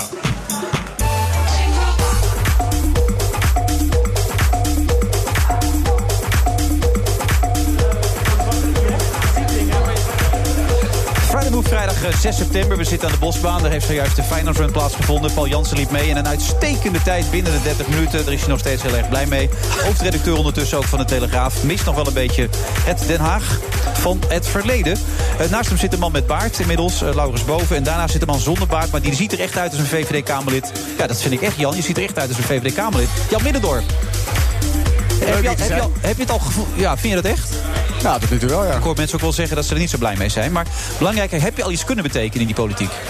Nou, je begon net over inefficiëntie en eh, kan je iets doen op, op het gebied van zo'n zo'n binnenhof wat we net bespraken. Ja? Eh, ICT, waar we net ook nog even over komen te spreken. Als jij dat misschien. wil, ja? nou, Of niet? da- daar zie je wel dat eh, je merkt wel echt dat mensen ook genoeg hebben van mislukte ICT-projecten. Ja. En eh, miljoenen die over de balk gesmeten worden omdat de overheid iets gaat maken wat Het is wel een keer klaar, toch? Al die Nou, onzin. Als je dan Kamerlid bent, dan moet je dat controleren. Dus dan kan je daar echt wel wat doen. Ja. Eh, jij zou even een voorbeeld geven, hè? Ik zal een voorbeeld geven Ja. van, van hoe er schadelijk werd gelekt. Ja, Over de schadelijk. plannen van eh, OMA. En waarom zij dus de behoefte hebben, dat neem ik aan vanavond... om dat dan ook allemaal te vertellen hoe het Ja, wel zit. wat jij niet hebt, zeg maar dat. Ja. Ja. Ehm, dus het stond op een bepaald moment in het eh, Algemeen Dagblad een stuk... dat er een eh, laminaatvloer zou worden gelegd in de oude zaal van de Tweede Kamer. En dat is de vergaderzaal waar ze tot 1990 vergaderde. Het is een 18e eeuwse balzaal. De stadhouder Willem V heeft dat ding ooit gebouwd. Mhm. Ja. Een hele mooie zaal. baard. Nee, die had Nee? geen baard. Oké, Nee. ga door. En eh, daar ligt nu een, een, een, een, een tapijtvloer met allemaal hele felle kleuren. Dat moeten de bollevelden representeren. Nou, die zaal moet ook onder handen worden genomen, gerenoveerd worden. En toen was opeens het verhaal, daar komt een laminaatvloertje in te liggen. Dat is niet waar. Wat er wel, vertellen mijn bronnen mij, is gebeurd... is dat ze de oude, originele, in het archief... 18e eeuwse bouwtekeningen van die zaal hebben teruggevonden. Bij hun archiefonderzoek naar die renovatie. En bij die tekeningen zat het originele patroon van de parketvloer... die er ooit voor bedacht was, voor die zaal. En het plan was om die er weer in te leggen. Nou, en wat je dus ziet gebeuren is dat dan, dan wordt er dus gelekt op een manier van ja, een plastic vloertje. eh, Ze hebben geen respect voor het gebouw, ze maken er een puinhoop van. Maar het was gewoon een hele goede eikenhouten vloer geworden, zeg jij. eigenlijk dus in het plan vanuit wordt gegaan dat, we de, dat ze de historische waarde van het pand moeten herstellen. En dat ze dat dus doen op deze manier. Nou, dat soort dingen. We hebben de plannen niet zoals ze zijn gemaakt. En dat verandert natuurlijk wel de hele zaak over de Ik discussie. zit hier niet eh, zien. om nieuwsuren te promoten... maar misschien moeten we vanavond even met z'n allen gaan kijken. Ja. Over die vloer. Eén ding nog wat eh, Paul Jansen net, net vroeg: van waarom is dit gaan schuiven? Waarom is dit ontploft? Ehm, ik heb de indruk gekregen dat er bij de politieke leiding van de Tweede Kamer, het presidium, het bestuur, de mensen die uiteindelijk de beslissingen nemen over wat er gebeurt in het gebouw, dat eh, daar eh, geen helder beeld ontstaat over hoe groot die renovatie eigenlijk is. Dat daar de politici denken van ja, er moeten een paar leidingjes vervangen. En dan, dan, dan nieuw behangetje, nieuw tapijtje, zijn we er wel. Maar dat de, eigenlijk het hele gebouw wordt gestript. En dat ze dus een heel kaal gebouw krijgen en het helemaal opnieuw moeten gaan indelen. Dat het dat dat de echte verbouwing is. En dat daar een misverstand is ontstaan. Tot zover de verbouwing. politici en de Ja, dan gaan we even naar het andere verhaal toe. De Tweede Kamer eist de opheldering van staatssecretaris Knops... over hoe het binnen zijn ministerie van Binnenlandse Zaken wordt omgegaan met het bureau ICT. BIT, begrijp ik? ICT-toetsing. Ja? Leuke naam, hè? Voor BIT. een, pro- Ja. computerprogramma. En daar wil Jan zeker wat over kwijt natuurlijk, denk ik zo meteen ook. Maar kun je dat even kort toelichten, dat verhaal? Nou, het BID dat is ooit ingesteld na, onder druk van de Tweede Kamer... om eh, toezicht te houden op de ICT-projecten. Die gierend uit de hand lopen. Waar honderden miljoenen worden verbrand aan decennia durende projecten... die niet tot een oplossing leiden. Ja. Dat de Tweede Kamer genoeg... Maar Jan zich dood aan moet ergeren, want daarvoor is hij de politiek ze, toen Anders had hij in India kunnen blijven. Dan hebben ze mensen van buiten de ambtenarij aangesteld... in het ministerie van Binnenlandse Zaken... die de ambtenaren moeten gaan beoordelen op hun projecten. Dus de zakenmensen Ja. uit de zakenwereld, ICT'ers. Nou, die zijn op, als een olifant door de porseleinkast gaan rennen... en hebben hele lompe rapporten... lomp, dat is het woord van de premier vandaag... lompe rapporten geschreven over de ICT-projecten van de Rijksoverheid... en daar heel veel vijanden mee gemaakt. Zoveel vijanden dat nu eigenlijk het voortbestaan van die organisatie op spel staat. Schreef de NRC. Het Binnenlandse Zaken, het ministerie, zou die organisatie willen kortwieken... omdat ze te kritisch zijn op het functioneren van de eigen ambtenaren. Jan, is dat waar? Klopt Eh, dit helemaal? Nou, eh, nee, als dat zo is, dan, zou dat, dan gaan we dat tegenhouden als Kamer. Want eh, het lijkt mij juist een best wel een heel goed idee dat er iemand is die meekijkt. Zeker omdat, zoals eh Laurens net beschreef, er nogal eens wat misgaat. Ja, en het dus- gaat om veel geld. Hè? Het Ja. gaat niet om 2,7 Ja. miljoen afkopen. Het gaat echt om veel meer nu. Ja, je, je vroeg net hoe is het om in die politiek aan de slag gegaan. Nou, het eerste waar ik mee geconfronteerd werd... was inderdaad een project waar ze 14 jaar aan gewerkt hadden... wat 100 miljoen had gekost. En toen vroeg ik, wat is eruit gekomen? En toen zeiden ze, helemaal niks. Oh. Nou, dat had ik nog niet zo vaak meegemaakt. Ehm, dus toen eh, heb ik eh, dat project gestopt. En ik denk dat dat ook niet heel slecht is om... eh, ook, ook al zit je bij de overheid... ehm, ja, er gaan dingen mis. Er gaan dingen goed, maar er gaan ook dingen mis. En het is helemaal niet slecht om op dat hele moeilijke toch ook... Ja, dat is ook in het bedrijfsleven gaat er wel eens wat mis... maar op dat moeilijke terrein van ICT... dat er mensen meekijken. Een ICT-waakhond, ik vind het een goed Nou, de commissie olifanten, Elias. porseleinkasten, dat soort verhalen hoor ik nu ook. Ja, maar eh, eh, als jij hier vanmiddag helemaal de foute kant op gaat... en eh, week in, week uit en er luistert niemand meer... dan belt er ook iemand op. Dus, nou ja, je vraagt ja. je soms al af überhaupt of dat gaat. Maar Ja, misschien bellen ze wel. Maar in Ja. ieder geval, bij, ik denk dat bij de overheid... ehm, bij de overheid, ja, olifant in de porseleinkast... Kijk, de berichten die we hoorden was dat het ministerie van Binnenlandse Zaken... de onafhankelijke toezichthouder op de ICT aan het tegenwerken was. De berichten die we hoorden was dat eh, zeg maar, door die topambtenaren... eh, dat, dat bureau werd tegengewerkt. Ja, dat kan natuurlijk niet. Maar wij als burger willen op een gegeven moment weten hoe zit het nou... en dan kan het een keer opgelost worden, al die onzin. Dat is wat je eigenlijk wil. Nou, dat is iets meer voor de Telegraaf dit natuurlijk, hoor. Nou, nu misschien- misschien- ja. Die verwoordt een beetje wat de burger voelt. Ja. En die wil gewoon dat dit soort onzin opsto- stopt natuurlijk, Paul. Toch? Nou, dat zou op het de voorpagina moeten staan. Het, het, het, eh, het verkeerd uitgeven van eh, geld aan ICT-projecten... dat is een langlopend probleem in Den Haag. En het gaat om, echt om miljarden. Ja. Ik herinner me twee eh, defensie-ICT-projecten... die alleen al eh, eh, goed waren voor miljarden aan uitgaven... waar weinig van terecht kwam. Ehm, Kijk, en, en ik, ik herken dit wel. Een, een, eh, als, als er een, eh, een, eh, een toezichthouder wordt opgetuigd... die binnen zeg maar, het Haagse eh, wereldje eh, gaat onderzoeken... Ja, dan ga je al snel op allerlei tenen staan. Want de tenen eh, in Den Haag zijn lang, zeker op de ministeries. Mensen zijn niet gewend om, eh, om van buiten even te horen te krijgen hoe het moet... Maar als het om zulke grote bedragen gaat die, die niet goed gespendeerd zijn... Ja, dan verdient het ook om met de, als een olifant door de porseleinkast te walsen. Alleen, je kan je, hè, dat, is, dat is dan misschien eh, feitelijk zo... maar je kan je ook afvragen hoe effectief ben je als je dat doet. En daar is dan eh, niet goed over nagedacht. En ik vraag me dan af, is... Is deze, deze club die eh, dit allemaal onder de loep moet houden... is die wel goed geborgd in de organisatie? Want kennelijk hebben zij geen doorzettingsmacht. Of kennelijk hebben zij onvoldoende rugdekking, politieke rugdekking ook gekregen... om eh, te doen wat zij doen. Want als, je dit wil, als je dit aan de kaak wil stellen met zo'n organisatie... intern, dus in huis... Ja, dan, dan weet je gewoon dat er vuiligheid boven komt. En dan moet je doorpakken. De NRC die beschreef het zo dat, eh, dat ze 68 kritische rapporten hadden gemaakt over ICT-projecten. En achter elk project er zit een topambtenaar die daarvoor verantwoordelijk is. En met elk kritisch rapport creëer je een volgende vijand. En inmiddels hebben ze dus al tientallen topambtenaren tegen zich in het harnas gejaagd. Die dus ja, hun carrière zien geknikt worden door die rapporten van dat BID. Maar vandaag hebben ze de steun gekregen bij het BID van de premier zelf. Nou kijk, en dat is dus, dat is dus het grote verschil.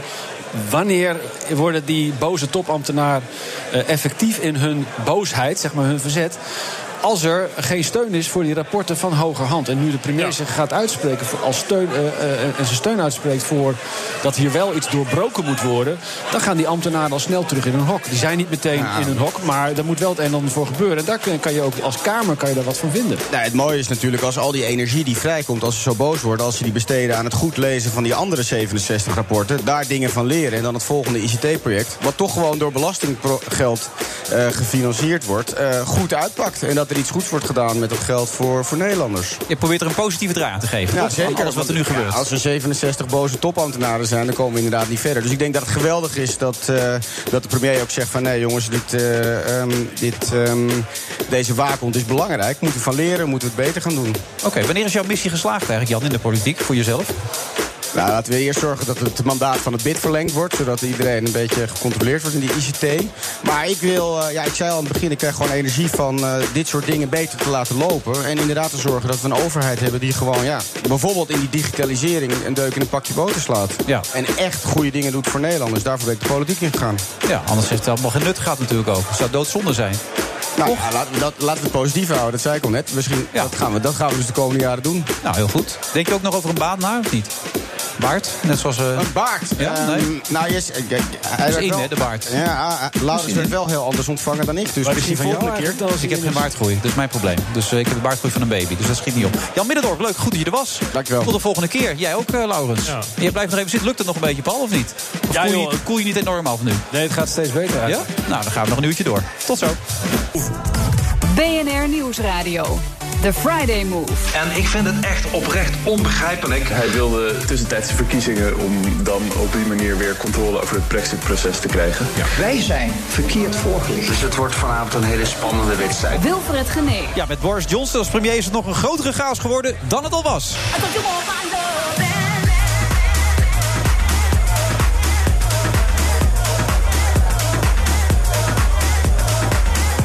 Friday vrijdag eh, 6 september. We zitten vandaag eh, bij de Bosbaan in eh, Amsterdam. Eh, De Finance Run is alweer een tijdje geleden geëindigd. Mensen blijven hier nu hangen. We hebben de sportieve inmiddels omgeruild voor het eh, apparatieve. Namelijk wijn en bier zie ik hier voorbij komen.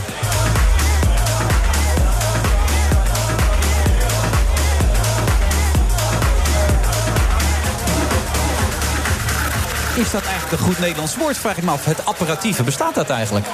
Sorry, ik was even afgeleid door mijn buurman die iets in mijn oor fluit. Ik zei het sportief is inmiddels ingewisseld voor het apparatieve. Maar bestaat dat eigenlijk, het apparatieve? Of Eh, verzin ik dat gewoon te plekken? Ja, dat verzin jij ongetwijfeld ter plekke. Ja, hè? Eh, heel creatief van jou. Maar ik, het valt me wel op dat iedereen die dacht... ik loop er een paar kilo's af, die hier nu weer vrolijk staat zou ik bij, zeggen. te Dan wordt hij te gezopen, zeg. Dat is niet normaal, man. Ja, nou, Maar goed, ja, het is ook voor de ontspanning natuurlijk allemaal.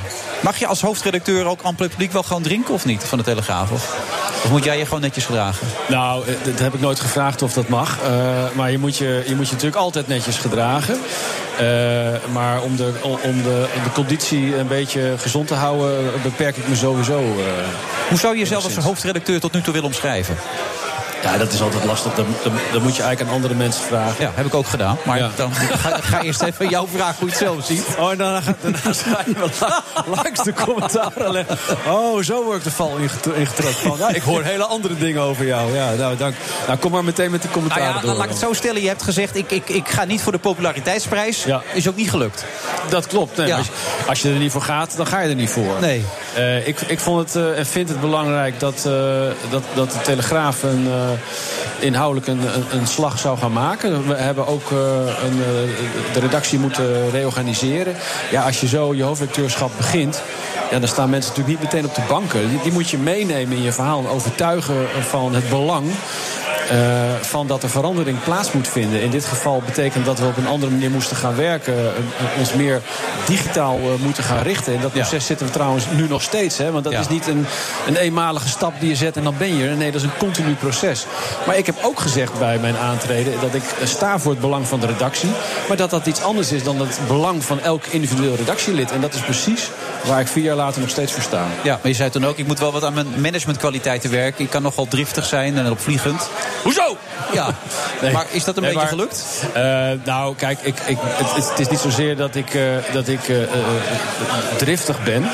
Ehm, maar ik heb gezegd, kijk, ik sta niet bekend als de grootste people's manager. Nee. En, en ja, als je dat van jezelf weet, dan kan je daar wat aan doen. Eh, iets anders is dat je er- ook voor kan zorgen dat je in je team... want de hoofdredactie bestaat niet uit één persoon, die bestaat Nee, uit meer mensen. Nee, maar je- jij bent de leider, je- zeg maar. je- Jawel, maar dat je mensen om je heen verzamelt... die, die jou aanvullen op de punten waar jij misschien iets minder sterk Ja, bent. die geef je ook de ruimte ervoor om je te laten aanvullen, of niet? Ja, tuurlijk. Weet je dat zeker? Ja, als we dat doen. Ja, Ja, oké. Net zoals jij dat bij, eh, bij je tv-programma doet.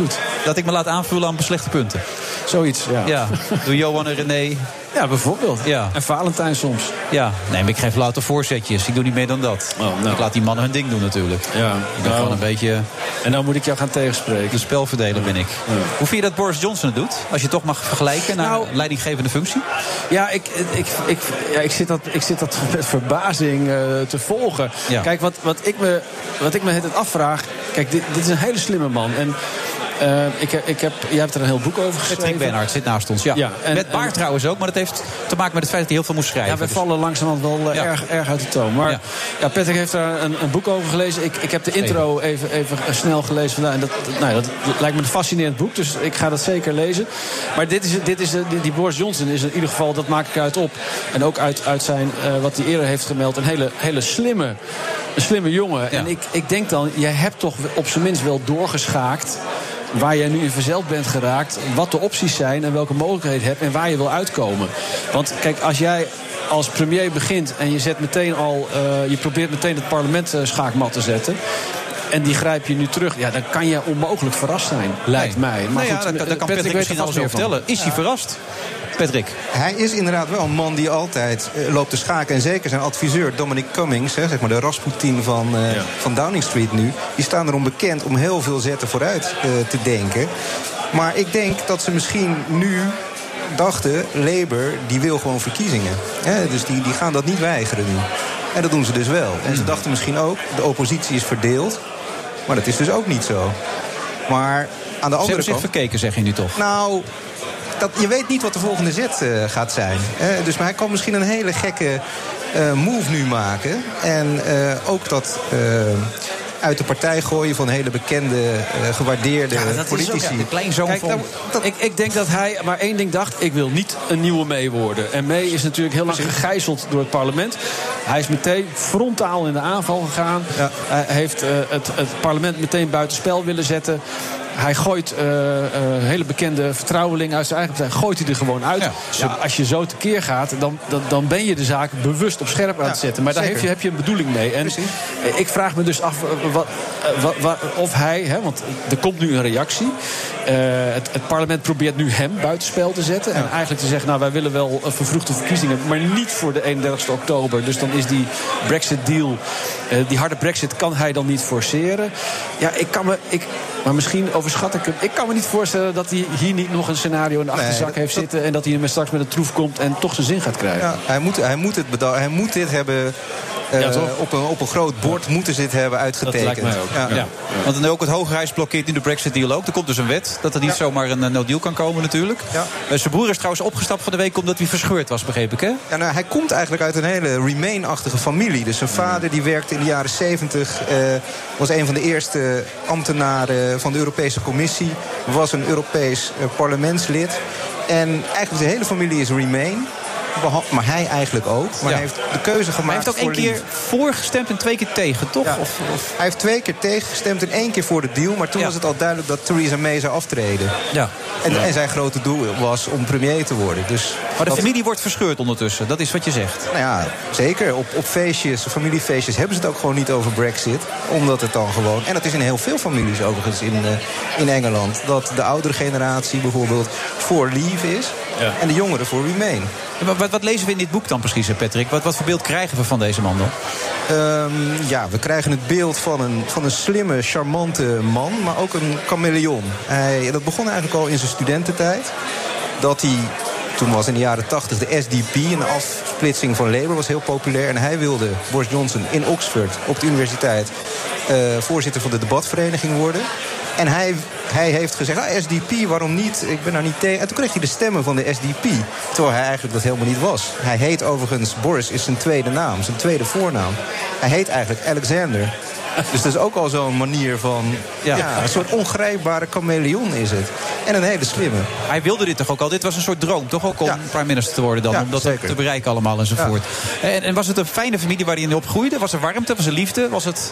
Er was liefde, eh, maar ehm, zijn vader ging op een gegeven moment vreemd. En zijn moeder raakte daardoor in een nou ja, psychische problemen. En dat heeft hem wel geraakt. En eh, als kind. En hij wilde nou ja, onkwetsbaar worden en, en hoge doelen stellen... Om, om ook die pijn niet te hebben. Dus het was er zeker een harmonieus gezin in de zin van eh, broederliefde. eh, ze staan achter elkaar. Eh, maar het was ook competitief trouwens. Zijn vader die zei tegen de kinderen als ze thuis kwamen met een 8... van ja, waarom is dat geen 10? Dus dat zit er allemaal in. En toen die Joe, die deze week, de jongste broer... die deze week uit zijn kabinet stapte... toen hij in Oxford, die Joe met de hoogste cijfers eh, afstudeerde... was dat een klap voor Boris, omdat hij dat niet had gehad. Dus dat soort competitiviteit zit erin. Boris is willen winnen. heel populair geweest, met name ook, toch? Dankzij een tv-programma, ik. Wat, dit was het nieuws, Dit was het nieuws, de Engelse versie. Have I Got News For You, dat deed hij dan geweldig. eh, grappig, een beetje de verstrooide man. Een beetje de aris- aristocratische eh excentriekeling. Eh, en dat, dat sloeg aan in Engeland. Dat vinden ze mooi, een beetje zelfspot. Maar hoe staat hij er nu op op dit moment in Engeland? Ja, heel erg polariserend. Dus mensen zijn of voor hem of tegen hem. Gisteren bijvoorbeeld ook Question Time gekeken. Nou, daar hebben ze, ja, dat is dan waar het publiek, de Engelse burgers... daar vragen kunnen stellen aan een panel. En dan hebben ze en Remainers en Leavers. En sommigen zeggen gewoon van ja, waarom ga je nou niet gewoon met de Brexit Party samen? Jullie zouden gewoon een meerderheid kunnen halen. En dat zijn dan de, de, de Leavers en de Remainers aan de andere kant. Die, die zijn dan, die willen dat helemaal niet. Die willen nog dat de Brexit wordt gestopt. Heb jij kunnen achterhalen, eh, eh, eh, hoe je dit, zeg maar, dat, portret hebt geschetst eh, van Boris? Wat drijft hem? Wat een van zijn oude vriendinnen zei, is dat aanbeden worden. Hè? eh, dat heeft ook te maken met dat onkwetsbaarheid. Hij wil gewoon liefde krijgen. Dat is zijn grote drijfveer. Die vriendin zei... Als hij eh, naar een planeet kan worden geschoten... waar nog een bevolking is die eh, hem kan eh, bewonderen en applaus kan geven... dan zou hij zo in die raket springen. Dus dat is zijn Maar is, is, het dan ook uiteindelijk wel wat hij nu doet in het belang van Engeland... of is het in het belang van Boris Johnson allemaal waar hij mee bezig is? Primair in het belang van Boris Johnson. Dat is altijd zo. En dan moeten we kijken wat er gebeurt. Hoe het allemaal gaat verlopen. Of dat ook in het belang van eh, Engeland zal zijn. is nu te vroeg om te zeggen. Ja, jullie zitten mee te schaken allebei. Je hebt natuurlijk ook in Den Haag lang gewerkt. Wat, wat zou het scenario kunnen zijn dan? Wat zou die troefkaart kunnen zijn? Ja, ik, ik vind het heel lastig. Want Er stond vandaag eh, bij de NOS een aardig eh, grafiek... die helemaal alle scenario's eh, laat zien. En ja, ik, ik kan me niet aan de indruk onttrekken... dat hij een, een, op een breuk probeert te forceren om die vervroegd... Kijk, hij heeft een nieuw mandaat nodig. Dat is van, van het volk. Dus hij wil die vervroegde verkiezingen. Linksom of rechtsom. Ik denk niet dat hij er rekening mee had gehouden dat het pas na de 31ste kan. Want hij heeft steeds gezegd...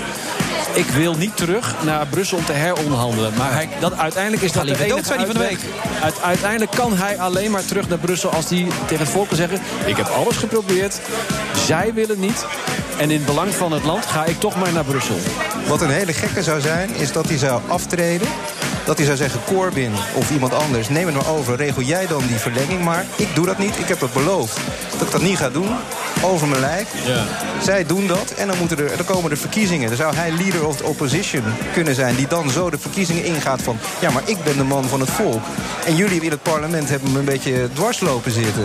Het is een hele gewaagde, het is een hele, Precies. hele risicovolle. eh, met name ook omdat de ene meneer Cameron een soort variant daarop had geprobeerd. En eh, die kon vervolgens vertrekken. Die kreeg opeens een Dus, eh, referendum, daar ging hij. Ja, dus de, les daarvan was toch een beetje... als je eenmaal op het plus zit, blijf plakken. En overigens, verkiezingen zijn sowieso risicovol. Het is maar ook de vraag of, of hij dat gaat winnen. House of Cards zit een beetje allemaal Ja, weer. Hè? ja, dat geweldig. Nou, dat zeven vast en zeker ook in het boek.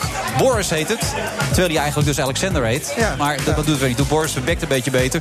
Patrick Benhard, ik ben benieuwd en bedankt ervoor. Graag gedaan.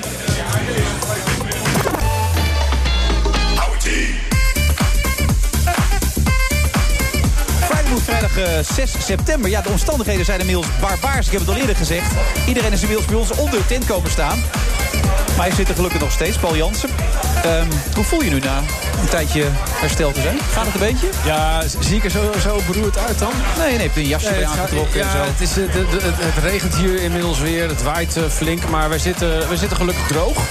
En we zitten ons een beetje te verwonderen, toch Wilfred... over eh, hoe iedereen hier eh, gezellig eet. eh, Katje drinkt. aan het worden is inmiddels. Ja, zo ongeveer. Maar eh, nou, de, de, de sfeer is goed. Stoort je dat trouwens eigenlijk, wat ik net zei? Dat lang niet iedereen jou eh, de populariteitsprijs wil geven? Vind je dat vervelend? Nee. Nou, nou kijk, uit- uiteindelijk wil iedereen aardig gevonden worden. Ja, jij ik, ook. eh, In, eh, dat denk ik wel. Ja. Eh, maar weet je, eh, dat is wat anders dan, dan, dan dat jij eh, dat nastreeft dat iedereen jou aardig vindt. Als je snapt wat ik bedoel. Je weet gewoon, als je, als je een taak op je neemt, zoals het hoofdredacteurschap van de Telegraaf. En eh, je leidt een journalistieke organisatie die in beweging is, ja, dan, dan brengt dat ook allerlei fricties met zich mee. En, en daar moet je tegen kunnen. Dat is niet altijd leuk. Maar ik vind het belangrijk. Maar daar moet je ook mensen bij terechtwijzen. Ampel en publiek, je moet ze soms keihard aanpakken. Dat hoort er dan bij. Nou, niet en plein publiek. Dat doe je altijd op de redactie zelf. Dat ga, ik, dat ga ik niet bijvoorbeeld hier doen of, of eh, Nee. op, op televisie of wat dan ook, snap je? Dus maar dat, wel intern bij de hele redactie samen momenten laten zien die niet goed zijn. Nou, als, als dat nodig is, dan doe je dat wel op. Wij hebben wekelijks een, eh, een eh, wat wij noemen een stand van de krant. En dan Ja. nemen we actuele zaken door op de redactie. En eh, eh, tijdens die sessies haal ik er altijd wel zaken uit waarvan ik zeg... Hey, kijk hier eens goed naar en eh, is dit wel goed gegaan? Ja, dan ben je hard, heb ik gehoord. Keihard. Nou, dat, eh, dan, ben, dan ben ik eh, direct. Ik vind hard wat anders. Maar ik, ik vind intern moet je wel zeggen waar het op staat. En dat, dat doen mensen ook tegen mij. En zo, zo moet je, eh, eh, denk ik, ook met elkaar communiceren. Er moet geen ruis op de lijn zijn intern. Wat anders is of je bot moet zijn. Je, je, moet, je moet open zijn naar elkaar toe. Eh, tegelijkertijd moet er wel respect zijn eh, na- naar, eh, naar iedereen toe. En, en die is er ook. Maar we zijn een professionele journalistieke organisatie. en we zitten in een fantastisch interessante tijd eh, in, de, in de mediawereld. Er is heel veel aan het veranderen. Noem het maar interessant. Het kan ook onrustig genoeg worden natuurlijk. Zo kan je het ook zien. Maar, en, en dat is het ook. Maar ik vind het met name interessant omdat we zijn allemaal nog steeds zoekende naar nieuwe verdienmodellen. Naar waar eh, die nieuwsconsument eh, eh, niet alleen vandaag zit, maar waar die morgen naartoe Ja, gaat. maar er is nog niet En- iedereen uit hè, op dit moment hoe dat werkt. Nee, absoluut niet. Maar we zien wel eh, grote bewegingen. En het is, het is, ik vind het heel interessant om te kijken hoe je daar als nieuwsmedium zo goed mogelijk eh, op kan aansluiten. En daar zijn we mee bezig. Dat vraagt ontzettend veel van de organisatie. Dat vraagt heel veel van journalisten. De tijd, en die kent Roel ook nog wel. Die zit naast Roel Jansen, je broer. Jansen, eh, eh, die, die, die ik uit, de- uit de Haagse tijd ken. Toen hij nog voor NRC verslag deed. De tijd dat je, dat je in Den Haag een debat volgde. Daarna een kop koffie ging drinken. eh, en, en smiddags een stukje tikte. En die in de, in de bak, zoals we dat te noemen, zetten voor de krant van de dag erop. Ja, die is al echt is- al lang voorbij. Dat is voorbij. Tijd is veranderd inderdaad. Roel Jansen, financieel journalist en schrijver van het boek De Afrekening. Je moet elkaar scherp houden. Dat is eigenlijk Ja, een beetje wat. Paul ook zegt. En dat is in de periode dat de crisis uitbrak bij ING niet gebeurd. Nee, ING had wat kunnen leren van de manier hoe Paul beschrijft... hoe ze bij de Telegraaf omgaan met eh, de actualiteit... en ook met conflicten en met interne ja, de discussie levendig houden. Want ING Ja. is echt eh, enorm het schip ingegaan natuurlijk. Al- Als je het boek leest, geleden. ze hebben echt zitten slapen. Daar komt het eigenlijk op Nou, neer. dat zou ik niet willen zeggen. Kijk, ze dachten dat Nou, ze een geweldig verdienmodel hadden. Want ze hadden een heel winstgevende eh, ING Direct, een internetbank, spaarbank opgezet. Onder andere in de Verenigde Staten, die enorm succesvol was. Die Ja. heel veel geld binnenhaalde, dat spaargeld van Amerikanen. En dat belegden ze in heel risicovolle hypotheken. En dat laatste, dat hadden ze eigenlijk niet gezien dat die, ja, als de crisis uitbrak en de Amerikaanse huizenmarkt en de hypotheekmarkt in zou storten, dat die hypotheekportefeuille van ING dat die dus totaal waardeloos was. Ja, wat apart is, je beschrijft ook het verhaal van een Nederlandse klokkenluider, Tonko Gast. ja. Die dat ook heeft gemeld bij ING. En die heeft gezegd, pas nou op, dit gaat helemaal mis. Ja, dat is echt een, het is een bizar verhaal. Ik kwam Tonko Gast op het spoor omdat hij eh, expert is op het gebied van die ingewikkelde Amerikaanse hypotheken. Hoe die in elkaar zitten. En die, krijgen- die krijgen een rating, zoals dat heet, een beoordeling. Ze zijn of heel goed en super eh, veilig, of ze zijn risicovol en junk, rotzooi. Ehm, rommelhypotheken, zoals ze wel genoemd worden. En Tonko die wist daar, weet daar heel veel van. En toen hij mij dat uitlegde, zei hij... ja, eh, we hadden van die modellen en we hadden helemaal uitgezocht... hoe dat met die Amerikaanse hypotheekportefeuilles zat. En wij ontdekten dat. eh, ehm, dat de ING daar bijvoorbeeld vet in zat. Zo, ING was de ene grootste belegger in een bepaald segment van dat soort eh, Amerikaanse hypotheken. ene grootste belegger ter wereld. En ze hadden gewoon niet door hoe dat in elkaar kon ploffen als de hele huizenmarkt in Amerika in elkaar zou storten. En dat is hij gaan vertellen toen hij in de zomer van 2008 hier was. eh, met vakantie, want hij woonde in New York. En eh, hij heeft het bij ING, bij de accountant van ING, bij de Nederlandse Bank verteld. En ja, eigenlijk niemand die besteedde de aandacht. Hij zei, ja, oh, zo'n jong ventje, wat kom je nou met je analyses aan? We geloven dat helemaal niet. Maar ja, een maand later stortte de hele boel in. Maar hoe kan het zo zijn dat er zoveel wijze mannen bij elkaar zitten? Vraag ik me altijd van uit over in dit soort situaties. precies. En dat Nou ja, niemand dan elkaar... Tunnelvisie, eh, oogkleppen op, zelfoverschatting. Denken dat je eh, geniaal bent omdat iedereen het doet. Alle andere banken zaten natuurlijk ook dik in dat soort eh, risicovol papier. En ze wisten het vaak En- niet. Hè? Het waren zulke complexe Ja, maar ja, dat was het juist. leningen die Ja. verstrekt werden. Dat, dat mensen hadden, zelfs van de bankenexperts, hadden geen Ja, idee ja. En de nou toezichthouder eigenlijk kochten. Ja, en de toezichthouders ook niet. Dat is eigenlijk misschien nog wel erger. maar je weet dus niet wat je zelf verkoopt eigenlijk ook allemaal. Nee, wat je vooral niet wat ze zelf kochten. kochten. Maar wat, Nee. wat ik interessant vind, deze, deze klokkenluider, Ja. die doorzag het. Ja. Heeft hij nou net zoals de, de mensen in de fantastische film eh, The Big Short... Precies. Heeft hij daar nou zelf ook... ook is, hij, da- is hij dan... Hij, hij, hij had een Nou, vermogensfonds, gaan een beleggingsfonds... en hij was short gegaan in Amerikaanse hypotheken. Dus ja, zijn klanten hebben het heel goed gedaan. Ja. Moet even uitleggen, die Amerikaanse, dat is een film inderdaad van een man die het ook uit aan zien komen. En die had ook gewaarschuwd, ja, toch? Die Ja, man? een stelletje eh, mensen met Asperger en halve gekken en wat dan niet, noem ze maar op en Ja. zo. Dat is deze Tonko overigens niet. Dat is een hele bescheiden, verlegen man. Ja. Maar hij zat wel in diezelfde groep en ze kenden elkaar ook allemaal. En zij waren een soort van, ja, ze werden als halve garis eigenlijk afgeschilderd. Want zij Totdat liepen ze pas nou op, dit gaat fout. En toen Ja. zijn ze short gegaan, zeg Ja. maar. Ja. Ja, ik heb ze een miljard opgeleverd? Nou, dat geloof ik niet. Nee. Oh, dat las ik ergens, dat ze er een miljard mee verdiend hadden of zo. Maar Eh, dat heeft hij niet gedaan. Nee, dat heeft hij niet gedaan. Nee, die, dat waren de mensen uit The Big Short. Ja. ik, ik Die was, bedoel ik, ik ja. was, ja, eh, ja, die hebben er heel veel op verdiend. Ja. Ik was toen Lehman Brothers failliet ging. eh, Toen, toen was ik toevallig in New York. Want ik was met premier Balken naar de VN. eh, toen was in Ja, september. dat was goed hè, met al die grote namen. En, Ja. En, nee, maar, ik, ik, nee, ik was als journalist gewoon mee. Ja, maar je was ook goed al die Maar het, het, het aardige was, we hadden toen dagelijks een persconferentie van Balken en toenmiddag, toenmalig minister van Buitenlandse Zaken Maxime Verhagen op de Nederlandse ambassade. En ik, ik weet nog dat eh, de Amerikaanse media waren helemaal van de leg. Want ja, eh, Lehman Brothers eh, ging kapot. En dat kwam ook, en dat was de schok. Dat ze het kapot lieten gaan. Hè. Ja. Eh, De anderen werden gered, Ja. maar ze lieten het kapot gaan. En ik vroeg toen aan Balken van betekent dit nou, we hadden net de Prinsjesdag gehad in Nederland, betekent dit nou dat de begroting voor volgend jaar de prullenbak in kan? Toen zei hij nee. Toen zei hij nee, dat is een Amerikaans probleem. had eigenlijk geen idee.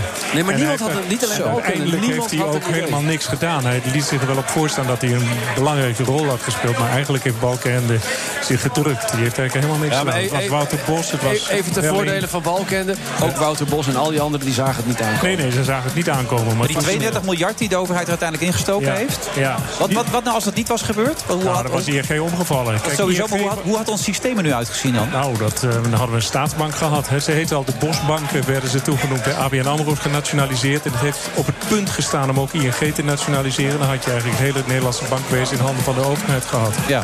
Maar ING was bankroet gegaan op die eh, Amerikaanse hypotheken. En zonder de redding van de Nederlandse overheid hadden ze het niet gered. De afrekening, de, de, de- kans dat dat weer gebeurt, hoe groot is die? Nou ja, dezelfde manier waarschijnlijk niet zo groot. Maar het is wel zo dat de internationale financiële markten om, opnieuw vol zitten met schulden. Maar die zitten voor een belangrijk deel buiten de, de gereguleerde banken. Hè, de, Ja. de, de gevestigde banken. Maar die zitten in een soort eh, parallel circuit. En het is maar de vraag hoe het daar verder mee gaat. Dus dat is- kan nog wel heel link gaan worden. Nu komt de volgende Geen afrekening. goed nieuws op de vrijdagmiddag, Roel Jansen. Zo, terwijl het regent. Ja, die mensen dat daar hebben er geen last van. Die drinken maar door. Maar als je dan gewoon in de auto zit in die regen... Ja, en dat als je niet- vast staat in de file, dus Ja. is heel vervelend. Maar goed. Maar adembenemend, zegt Jeroen Dijsselbloem over het boek. De afrekening. Hij, hij was er heel enthousiast over. Ja. Nou, hartstikke goed. Roel Jansen. Hoe ING langs de rand van de afgrond scheerde. De betere en de slechte boekwinkel, hè? Toch? De betere en de beste. Oh, en de beste. Oké. Nou, dankjewel. Graag gedaan. BNR Nieuwsradio. The Friday Move. I don't want an election. You don't want an election. Let's get on. Dus dat is een enorme vooruitgang. Wij zijn verkeerd voorgelicht. Dit is echt een ramp die de Bahamas nog nooit eerder gezien eh, hebben. Wilfred Genee. Hoe werd eh, Mike Passenier, de godvader van het internationale kickbox? Hij legt het zo uit. Wat een lawaai hier, zeg hij.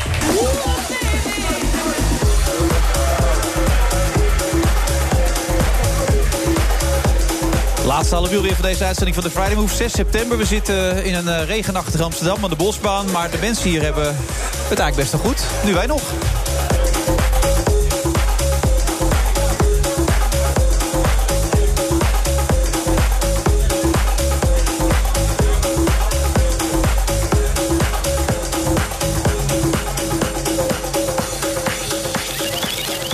Praten over Big Mike. Dat is Mike Passenier, eh, groot kickbokstrainer. Er is een boek over geschreven, daar is hij heel blij mee. En dat is geschreven door Wilson Boldewijn. En die werkt volgens mij ook nog bij de Telegraaf. Ja, ik zit naast eh, de baas. En? Hoe is je baas? Ja, die is een hele aardige man. Ik kan niks anders zeggen.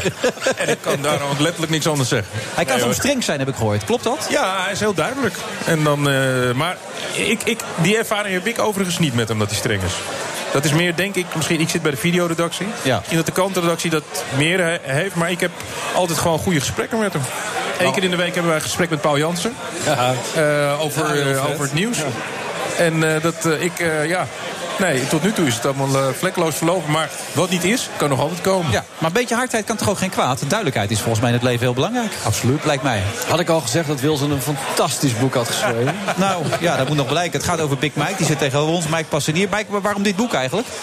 Ja, ik weet het eigenlijk niet. Ik eh, zit nou meestal aan zo'n lange tafel bij een sportschool. Altijd verhalen te vertellen wat ik meegemaakt heb, wat ik gedaan heb. Ja. En opeens eh, kwam Wilson die zegt, eh, mag ik daar een boek over schrijven? En ik had het nooit gedacht in mijn leven dat iemand ooit boek over mij schrijven. Dus ik ben er heel erg blij mee. Eh, We zijn toen begonnen met één hoofdstukje. En dat was zo, dat last lekker weg. Toen dacht ik, en ik zat er ook meteen weer in. Ik denk, nou, waarom niet? Ja, Je, hebt- je hebt alles verteld ook. Je hebt het volledige waarheid op tafel Ja, gegooid. kijk, ik heb weinig te verbergen in mijn leven. Dat weet ik niet. Nee, Dat kun jij het beste zeggen hoor. ja, tuurlijk. Maar wat maakt het zo leuk, het boek dan volgens jou? Je hebt het zelf geschreven, dus je moet ongelooflijk objectief nu worden. Daar moet je mee oppassen nu. Maar Nou, ik, eh, eh, alle bescheidenheid eh, even opzij. Ik schrijf veel laagdrempelig. Mensen, oh, dat zeiden ze ook van mijn eerste boek over Oekie. Als ze eenmaal Ja. beginnen met lezen, lezen ze het vrij makkelijk uit. En er staat natuurlijk altijd wat... wat ja, wat, wat- maakt, maakt Mike, Big Mike in dit geval dus zo interessant dan, volgens jou? Nou, ik volg het kickboxwereldje al vanaf dat ik tien jaar oud ben. Eh, voor mij zijn dat mijn helden, hè, de kickboxers. Wat jij meer hebt met voetballers, heb ik met eh, kickboxers. En eh, Mike is een trainer en er zijn veel boeken geschreven al over de vechters. Maar het leven van de vechters is eigenlijk niet zo interessant. Die trainen, eten, slapen. En, maar Mike regelt heel veel achter de schermen. Maakt heel veel mee, het hele mentale proces. Nou ja. Eh, heel interessant. Mike leert ze schaken. Badari heeft leren schaken. Waarom, wat moet hij met schaken? Ja, ook kijk, je moet altijd twee zetten vooruit denken met vechten. En als hij niet kan schaken.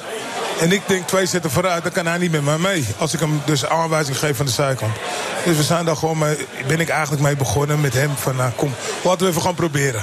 Ja. En ja, wat, was de, wat was de eerste reactie toen, hij, toen jij daarmee begon? Badari, ik probeer me voor te stellen. Nou, in het begin. Hey Badder. Ja, in het begin had hij altijd eh, van, nou, dit is niks. Maar nadat ik met hem begonnen ben om te trainen. Toen, als ik bijvoorbeeld tegen hem zei van, nou, weet je wat we moeten doen? Misschien moeten we even gaan schakelen. Nou ja, als jij het zegt. Ja, en kijk... Er was een tijd dat het anders was, hè? Dan had je altijd een beetje irritatie Ja, met dat elkaar. klopt. Dat was daarvoor. Ja. Daarvoor, toen, eh, ja, altijd als ik wat tegen hem zei, complimenteus. Hij vatte het altijd een beetje verkeerd op, maar ja, oké. Maar op een gegeven moment zijn wij aan elkaar gekoppeld. Gaan we zitten, hebben we een gesprek en vanaf dan hebben we eigenlijk geen, eh, ja, hoe zeg het, woorden meer, geen tegenwoord woord. meer. Nee. Nee. Want ja, je moet met elkaar door één deur, maar dan moet je één visie hebben. En als iedereen zijn eigen visie heeft, dan wordt het niks te Die hoor ik van Gaal een keer. Dat, eh? Visie is belangrijk natuurlijk. Het proces is ook heel belangrijk. En Hazes was ook belangrijk, begreep ik? Hazes? Ja, hazes, dat is natuurlijk heerlijk als je bijvoorbeeld in Japan, je bent ver weg. Je bent eenzaam, je zet hazes op, zit je lekker op je kamertje. Dan ga je even lekker een babbeltje maken. Of je hebt het op je, op je koptelefoon natuurlijk als je in het vliegtuig zit. En je zit natuurlijk 12 uur naar Japan. Eventjes Ja. eh, 19 uur naar Hawaii. Maar kom je toevallig uit Amsterdam ook of niet zelf? Ja. Je zou het niet zeggen. Betondorp. Betondorp. Ja, Betondorp? Dat is allemaal jou. Ja. Ja. Lekker man. Maar het is nu wel voorbij, begrijp ik, toch? Met jou en, eh, en Badder. Ja, klopt. Eh, voor een paar maanden geleden zegt hij tegen me van ik wil even met je praten. Nou, dat was eigenlijk uitzonderlijk, want normaal praten we niet voor Nee. wedstrijden, over wedstrijden. Nee. Ja, dus eh, nou ja, ik denk dat er kunnen een paar dingen zijn. Of hij komt met een hele waslijst van dit wil ik, dat wil Of hij zegt ik wil er nog een andere trainer bij. Of hij zegt Mike, ik wil voor jou precies weten wat we gaan doen. Dat heeft hij ook wel eens gezegd. Of hij stopt ermee en het laatste was het geval. Dus nou ja, Wat vond je ervan? ja, eh kloot in het begin natuurlijk. Ja. Niet, het, het zag je niet aankomen. Het hoorde niet. Het was altijd eh Badder en Mike, Mike en Badder. En opeens niet meer. Nou ja, weet je, je weet hoe het gaat. Dus in het begin was het even een beetje vervelend. Maar ja, Dus jij zit in december Rico, Rico, Rico te roepen dan? nee, nee, nee, nee, nee. Nee, nee, Nee, niet? Nee, nee, nee. Het zou kunnen, Nou, toch? Kijk, er zijn natuurlijk... Wat je, let op wat er gaat gebeuren. Hij gaat zo meteen natuurlijk met iemand anders trainen. Maar ik heb hem zoveel bijgeleerd... dat hij op een gegeven moment misschien weer een oude truc uit de kast had... en zegt, kijk, die heb je van mij. Ja. Snap je? Ja, nee, zo werkt Dus dat begint En die, en, en die trucken staan ook in dit boek. eh Nee, dat nog niet. Nee, die mag je niet zomaar Nee, gaat, het gaat wel over zijn- zijn filosofie eh, als trainer. Heel sober, eh, heel veel herhalen. Eh, tot het helemaal in het geheugen geramd zit. Dus weinig technieken, maar extreem goed uitvoeren. Dat is wat hij... eh, het staat ook in het begin, hè. eh, er hangt een portret van Johan Cruijff in de gym. Ja? Volgende bladzijde. hier. maar daar heb ik ondergeschreven. Mike lijkt eigenlijk qua trainen niet op Cruijff, maar meer op Mourinho. Basis, herhalen, heel tactisch. Filmpjes van tegenstanders tot in een treuren bekijken. Dat, dat, dat zeggen ook heel veel mensen uit het wereldje. Eh, Mike kan heel goed een wedstrijd lezen. Die weet precies wat er gaat gebeuren.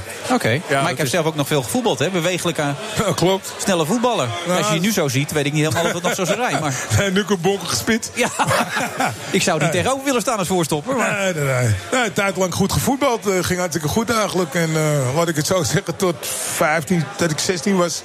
had er nooit iemand over getwijfeld dat ik wel ergens goed terecht zou komen. Maar uiteindelijk niet. Ja. Wilson, als je nou een, een dingetje eruit mag pikken waarvan je echt zegt dan... nou, als mensen dat lezen... Hoef ik ook niet meer te kopen trouwens, maar is wel lekker als je het even vertelt. Eh, nou ja, het, het- gaat natuurlijk over, over de twee kanten die het vechtsportwereldje heeft. Eh, Nou ja, goed, Barder heeft niet altijd een goede reputatie gehad. Barre heeft niet altijd een goed, eh, een goede reputatie gehad. Eh, Mike heeft ook eh, privéles gegeven aan, aan Willem, eh, Willem Holleder. Eh, andere andere Spijt jongens. van of niet? Nee. Nee? Waarom? Nou ja, omdat het Willem Holleder is. Nee, natuurlijk niet. Nee? Nee. Het is simpel. Het is heel simpel. Als, jij nou morgen, als hij nou volgende week vrijdag hier kan zitten, zou je dat doen of niet? Nee. Waarom niet? Absoluut niet. Want? Nou, ik, ik wil niet met Willem Holleder aan tafel zitten. Dat lijkt me geen verstandig plan. Want? Weet, eh, nou ja, ik bedoel, de, de, de dingen die die man heeft gedaan, daar hoef ik niet... eh, eh, eh, laat ik het anders stellen. Hij had een boek geschreven over Okkie.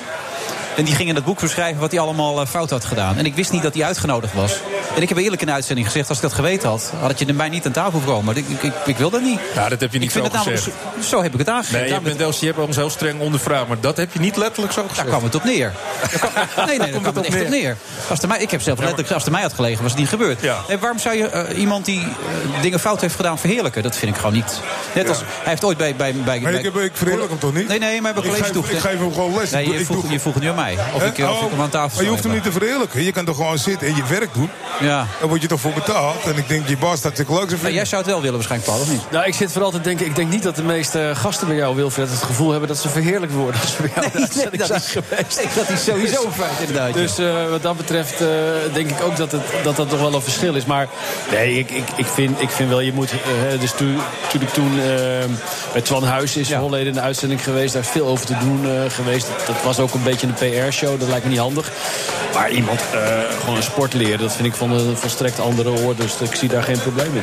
Nee. Zo zou ik het ook zelf niet ervaren, begrijp ik. Nee, Nee. Wat zou je willen dat mensen met dit boek doen? Wat, wat moet het gevoel zijn wat er overheerst als je het gelezen hebt? niks. Gewoon lekker lezen, lekker van genieten. Ja, Ja. dat, dat, dat, is, dat is eigenlijk een inspira- beetje- het is inspirerend. Het is een eh, verhaal van de straat. Van een jongen uit Betondorp. Die, eh, die, die een wereldster wordt in zijn sport. Ja, want je doet alle grote namen, zeg maar. hè. In de, sport, iedereen kent jou enzovoort. Ja, maar nu je, nu je Badden kwijt bent, wat is nu je volgende streven dan? Wat zou je graag willen? Nou, ik heb nog, eh, geloof ik, acht of negen vechters bij Glory zitten. Dat is dan weer het eh, hoogste platform. Ja, nee, dat zenden wij uit, Glory. Dus Ja. Dus Veronica. is- Ja, ja. ik doe het niet hoor, Helene doet het. Nee, oké, maar... Dus ja, daar heb ik ook hele goede jongens in zitten. We vechten eh, 28 september weer voor de, voor de interimtitel bij 5 min 95. Dus ik blijf wel gewoon aan het werk natuurlijk. Ja. En hoe gaat het met de populita- populariteit van de sport? Hoe groot kan die nog worden? Of- zitten we wel aan de grens nu? Nee, het is juist aan het groeien. Kijk, als je nou bijvoorbeeld ziet op de wedstrijd Badr tegen Rico. Ja. En alleen op die foto hebben ze bijna 26.000 kaarten verkocht. Ja, dat wordt natuurlijk in december een mega gala. Ja. Eh, daarom zeg ik ook, ik hoef niet altijd voor Rico te zijn. Voor Badr. Want Rico staat 1-0 voor. Als Badr wint, dan staat het 1-1. Dan komt er dus nog een wedstrijd. En dan komen er misschien wel 50.000. Dan staat de ring misschien op de stip in de arena. En hoe mooi is dat dan? Ja, zouden we bij Veronica ook eh, tof vinden. Kan ik je melden hoor. Nee, Voor de kijkcijfers zou het ook niet slecht zijn. Nee, natuurlijk, maar zo moet het toch? Zo Ja. wordt het toch? En je moet steeds, het wordt steeds populairder. Er zijn heel veel mensen die kickboksen doen. Niet Ik ben alleen... sinds drie weken ook aan het kickboksen. Ja. Ja, kijk eens? Echt waar? Ja. Hey, en heb je al een paar low kicks gepakt? Ik heb een kuitspier gescheurd. ja, het is serieus hoor. Ja. Dus ik ben even gestopt. Nee, maar ik ben al een tijdje bezig samen met mijn vrouw. Oké. Dus eh, nee, ik vind het wel heel geinig, ja. Ja, maar het is ook heel goed voor je lichaam. Je voelt je er goed bij, je voelt je lekker. Het is een total body workout, zeg maar. En als je dan klaar bent, dan moet je toch heerlijk voelen. Het stoom van jou. Ja, nee, zeker weten. Nou, Wilfred, kom jij een keer met je vrouw en Mike eh, een uurtje trainen? Denk je dat hij dat leuk vindt? Ja, dat vind ik hartstikke gezellig, tuurlijk. Nou, ik wil het best een keer proberen. Dat, Nou, eh, waarom niet? Ja. Deze staat er. Ja? Tuurlijk. Oké. Als het kuitje over is, dan eh, zien we weer kom. Ja, dus goed bij. We, koppelen, we, we koppelen hem wel aan een paar wedstrijdvechters, Ik toch? heb het gevoel dat er een paar mensen mij staan te wachten. Die me nog even de laatste instructies gaan bijbrengen, of niet? Nee, dat denk ik niet. Kijk, ik vind uh, kickboksen moet voor iedereen zijn. Groot, klein, oud, jong. En het moet eigenlijk een hele familiesport worden. Ja. En dat moet je ook zo behandelen. En ik kan je gewoon verzekeren dat iedereen die bij mij binnenkomt... Die gewoon, wordt gewoon netjes behandeld, wordt gewoon netjes getraind. Je hoeft niks te doen wat je niet wil. Had je bijvoorbeeld uh, er is zegt ja, dat, dat vind ik helemaal niks. Uh, nou, doe je het alleen op het lichaam, doe je het niet op het lichaam. Zeg nou, dan pak je even een zakje erbij. Of iemand houdt een paar petjes voor je op. Zo, dus je kan het op allerlei manieren doen. Zo klinkt het goed. Ik ga komen. Oké, okay, dan Ik zal mijn vrouw even bellen zo. Dankjewel maar. Jij ook bedankt Wilson. Graag gedaan. Wil je nog iets aardigs zeggen over Paul of niet? Pa, dat is echt wel een topbasis. Ja, hè? Dat is goed hè? Ja. Goed boekje hoor, goed boek. Tot zo naar de reclame.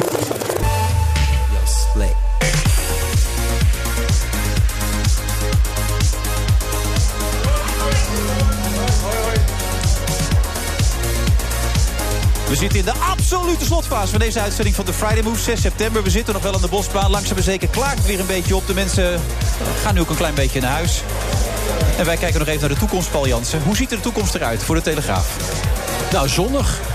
Wij, uh, wij zien onze uh, abonnementenstand uh, weer stijgen voor het Echt eerst. waar, meen je dat? Ja, absoluut. Want het is lange tijd. Vorig jaar zag je nog zo'n artikel waarin stond AD en Telegraaf. Ja. Slagveld stond het nog. Ja, kijk, dan ging het puur, denk ik, om printbereik. Kijk, er, Ja. wordt, er wordt in vele maten en soorten wordt er gemeten. Natuurlijk ligt de toekomst op de digitale platformen. in de papieren oplagen zijn wij nog steeds een grote speler in Nederland. we hebben nog steeds de grootste oplagen. Maar er wordt niet meer in oplagen gemeten, maar in bereik. Nou, dan ga ik je met die details allemaal Ja, niet er wordt ook niet in oplagen door jouw basis gerekend, maar in omzet. Hè? Dat is ook altijd uh, voor jou wel Uit, lastig. uiteindelijk, uiteindelijk natuurlijk wel. Want ja. als, als, uh, als de winkel geen winst draait... dan kan je uiteindelijk geen journalistiek uh, bedrijven. Nee. Maar wat, wat voor ons wel, wel echt belangrijk is... de Telegraaf was natuurlijk in de tijd dat ik er begon te werken in de jaren negentig... Een, een, partij die een van de grootste in Europa was met een uh, oplage. Ja, 1 miljard in de kas hadden ze toen nog, heb je wel eens gezegd, toch? Ja, geld. Ja, ja. ja dus dat, het klotste tegen, ja, geen tegen, schulden. De, tegen de plinten. Nee, dat was heel, heel bijzonder. En uh, ja, er is, er is heel veel gebeurd rond het bedrijf in de afgelopen twintig jaar. Roerige tijden gekend. En uh, ja, sinds wij onderdeel zijn van, van Mediahuis... is er echt rust gekomen. Is er ja, ook een goede visie neergelegd, vind ik. En zijn we nu op koers. En dat zien wij ook terug in onze, in onze oplagecijfers. Ehm, die, die, de, de, val is gebroken. Dat is hartstikke mooi. En we, we zijn nu aan het groeien. staan op het punt om door het niveau van vorig jaar heen te breken. Maar wat is het geheim nu dan? Wat is dan de visie die ervoor gezorgd heeft dan? Hoe zou je die willen omschrijven? Nou, dit, de groei zit hem vooral in de digitale abonnementen. We, ja. hebben, we hebben sinds begin dit jaar ook een betaalmuur online gezet. Nou, dat, dat leidt natuurlijk tot wisselende reacties, kan je je voorstellen. Ja. Uh, maar uh, dat leidt er ook toe dat, dat mensen wel degelijk bereid zijn om een abonnement af te sluiten. Ja, hoeveel op, mensen hebben dat inmiddels gedaan dan? Uh, ruim 10.000. Oké. Okay. En uh, dat is dat nog maar. Klinkt, dat klinkt niet veel, hè? Maar nee, dat... maar dat is nog maar het begin. Ja. En uh, we hebben daar grote ambities. We zijn daar trouwens absoluut niet de enige in. Nee, nee. Maar we zien dat daar, dat daar de markt aan het verruimen is.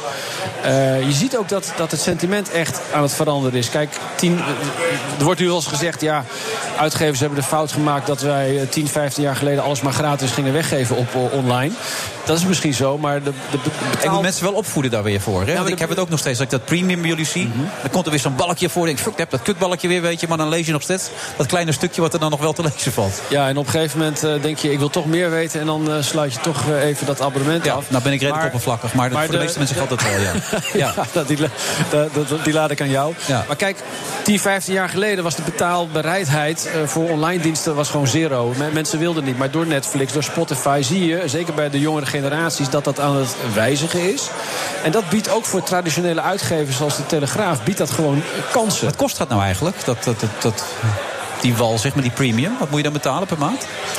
Eh, dat, hangt, ja, dat hangt van de duur van het abonnement af eh, wat, je, wat je afsluit. eh. Maar wat voor bedragen praten we? Ik heb eigenlijk nog nooit naar gekeken namelijk. Dus. Nou, er, wordt, er wordt nu per, per week wordt er gerekend.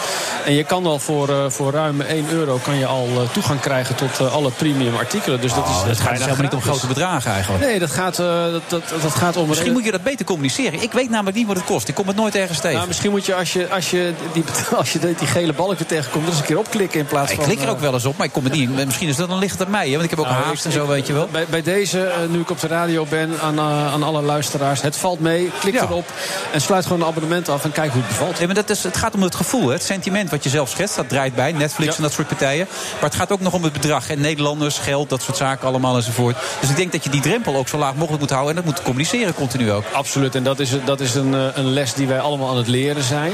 Maar dit is, kijk, dit zijn, dit zijn schuivende panelen. En, en dat maakt het ook, ook interessant, vind ik. Natuurlijk, jij zei net, ja, het is ook daardoor eh, onrustig, onstuimig. Ja, dat klopt. En eh, het is trial and error, dus je moet een hoop dingen proberen. Niet alles lukt. Maar dat vind ik ook wel, eh, ook wel de uitdaging. En voor de redactie betekent dat er worden andere zaken verwacht van de, van de journalisten. En wat mij opvalt, dat de journalisten bij de, bij de Telegraaf heel enthousiast die, die nieuwe manier van werken oppakken. En Allemaal. En, ja, en helemaal niet defensief zijn van... ik wil alleen maar voor de krant werken... want mijn stukje is alleen maar eh, belangrijk. Maar dat heb jij ze kunnen leren, zeg maar. Nou, ik, ik, ik heb dat verhaal mede helpen vertellen. Maar dat, dat, weet je, je kan niet alles van bovenaf eh, directief eh, door de strot duwen van de redactie. Dat moet ook uit de groep zelf komen. En Ja. dat doe je door... Terwijl je redelijk directief kan zijn, toch? Als het moet wel. Ja. Maar, eh, Maar dat hadden we al geconcludeerd. Ja. maar liever niet. Nou, je hebt net van mijn collega gehoord dat ik eigenlijk best wel een aardige jongen ben. Maar, eh, dus, eh, hij zit ook niet op print, hè? Hij zit ergens anders. hij zit, op, hij, zit, hij, hij zit niet op print, kan je nagaan. En toch nog positief. Nee, maar zonder Maar gekheid. Ik wil, je moet op een gegeven moment ook een koers varen... waarbij je duidelijkheid schetst. Anders weten mensen ook niet wat ze doen. En bovendien, in moeilijke tijden... moet er ook op een gegeven moment een leider op staan... die een beetje duidelijkheid creëert, toch? En je, en je moet vooral uitleggen waarom het belangrijk is dat je een andere koers in, in, inslaat. Ja. En eh, ik, ik, ik, ik vind eh, dat, het, dat het heel positief is hoe dat wordt opgepakt. En dat heeft mij aangenaam verrast. Ja. Eh, wat heb je, je bent nu vier jaar bezig. Wat heb je jezelf gegeven? Voor periode? Nou, ik, ik denk niet eh, in, in tijden van eh, van een aantal jaren. Ik denk, in, ik wil mijn missie afmaken. En dat is dat ik die digitale transitie goed wil neerzetten. Ja, en dan komt er een moment dat je weer eens eh, gaat verder kijken. Ja, een wat, leuk programma gaat presenteren. Ja, bijvoorbeeld bij BNR of Ja, zoiets. zoiets, ja. Als die andere gozer eruit geflikkerd is. Ik, ik hoorde dat ze, dat ze eigenlijk op zoek waren naar iemand. Ja, is kort op de vrijdagmiddag. Ja, ja dankjewel, Paul. Goed dat je er was. Oké, graag En gedaan. nou, wel thuis. En we zien elkaar vast weer overal en nergens. En doe het goed aan Valentijn, hè? Zal ik zeker ja. doen. Ja, met zijn hets enzovoort. Nee, Valentijn, prima gozer. Alleen mensen kunnen er soms iets anders over denken. Tot zover deze uitzending. Volgende week zijn we er weer. Volgens mij is Bram Krikke dan mijn... ik- Je ziet hem overal, Bram Krikke. Hè? Dat is niet te geloven. Is Bram Krikke mijn coach, dan zitten we in de Sky Lounge. Tot dan. I don't want an election. You don't want an election. Let's get on. Wij zijn verkeerd voorgelicht. Er is gewoon een actieve rol geweest. Nou, dat is een, de, de- uw eh, formulering. Het lijkt dat. Dus dat is een enorme vooruitgang. En bij BNR lees ik het blijft bij het oude potje van 100 miljoen. So the eyes have it. The eyes have it. Unlock. Order. I don't want an election. You don't. Dat melden Haagse bronnen aan Business News Radio, BNR. Ze hebben eigenlijk gewoon geconcludeerd bij de Partij van de Arbeid dat het leenstelsel niet werkt. Ik verwacht niet dat daar veel uitkomt, maar we gaan het gewoon, eh, we zullen het wel zien. Wij zijn verkeerd voorgelicht. Dus zelfs dat hij naar Brussel gaat 17 oktober is nog verder van zeker. De omvang van de Nederlandse drugscriminaliteit, de harde criminaliteit, georganiseerde misdaad is echt gigantisch. Maar nu weten ze het even niet meer in Den Haag. spektakel. Dit is. Ik ga even verder niet op de zaak in. Ik wil gewoon even. Ja, dat is het einddoel. Maar het einddoel dat ligt nog heel veel jaren eh, voor ons. Hij wilde tussentijdse verkiezingen om dan op die manier weer controle over het Brexit-proces te krijgen. Ja. En ik vind het echt oprecht onbegrijpelijk dat u dat niet heeft gedaan. Wilt u de waarheid soms niet weten? Nou ja, we, we gaan het uitzoeken. Ik heb helemaal niets eh, te verbergen, ook niets om voor te schamen. Dus we gaan gewoon eh, eventjes induiken en dat komt allemaal goed. Nou, daar los je natuurlijk niet de problemen mee op. En ik vind het echt oprecht onbegrijpelijk. Dus wij zijn bij voorbaat niet heel erg positief hierover. Dat mag duidelijk zijn. Dat heb ik gisteren niet gehoord tijdens het debat. Eh, totale eh, verwoesting. We hadden het er natuurlijk een paar dagen geleden al over eh, windsnelheden tot bijna 300 km per uur. And that would mean more dither, more delay and more confusion. Wat een verkeerde opmerking zeg. Eh, goed, Eh, we gaan door. Dan, eh, Dus het wordt vanavond een hele spannende wedstrijd. Nederland moet eigenlijk winnen om, om nog die eerste plek in de, in de EK-pool voor de kwalificatie te bereiken. TUI en Aruba zijn trotse sponsors van de Friday Move. Bij BNR ben je altijd als eerste op de hoogte van het laatste nieuws. Luister dagelijks live via internet. Bas van Werven. En heel langzaam komt de zon op rond dit tijdstip. Je krijgt inzicht in de dag die komt op BNR, het Binnenhof in Nederland en de rest van de wereld. De Ochtendspits. Voor de beste start van je werkdag. Blijf scherp en mis niets.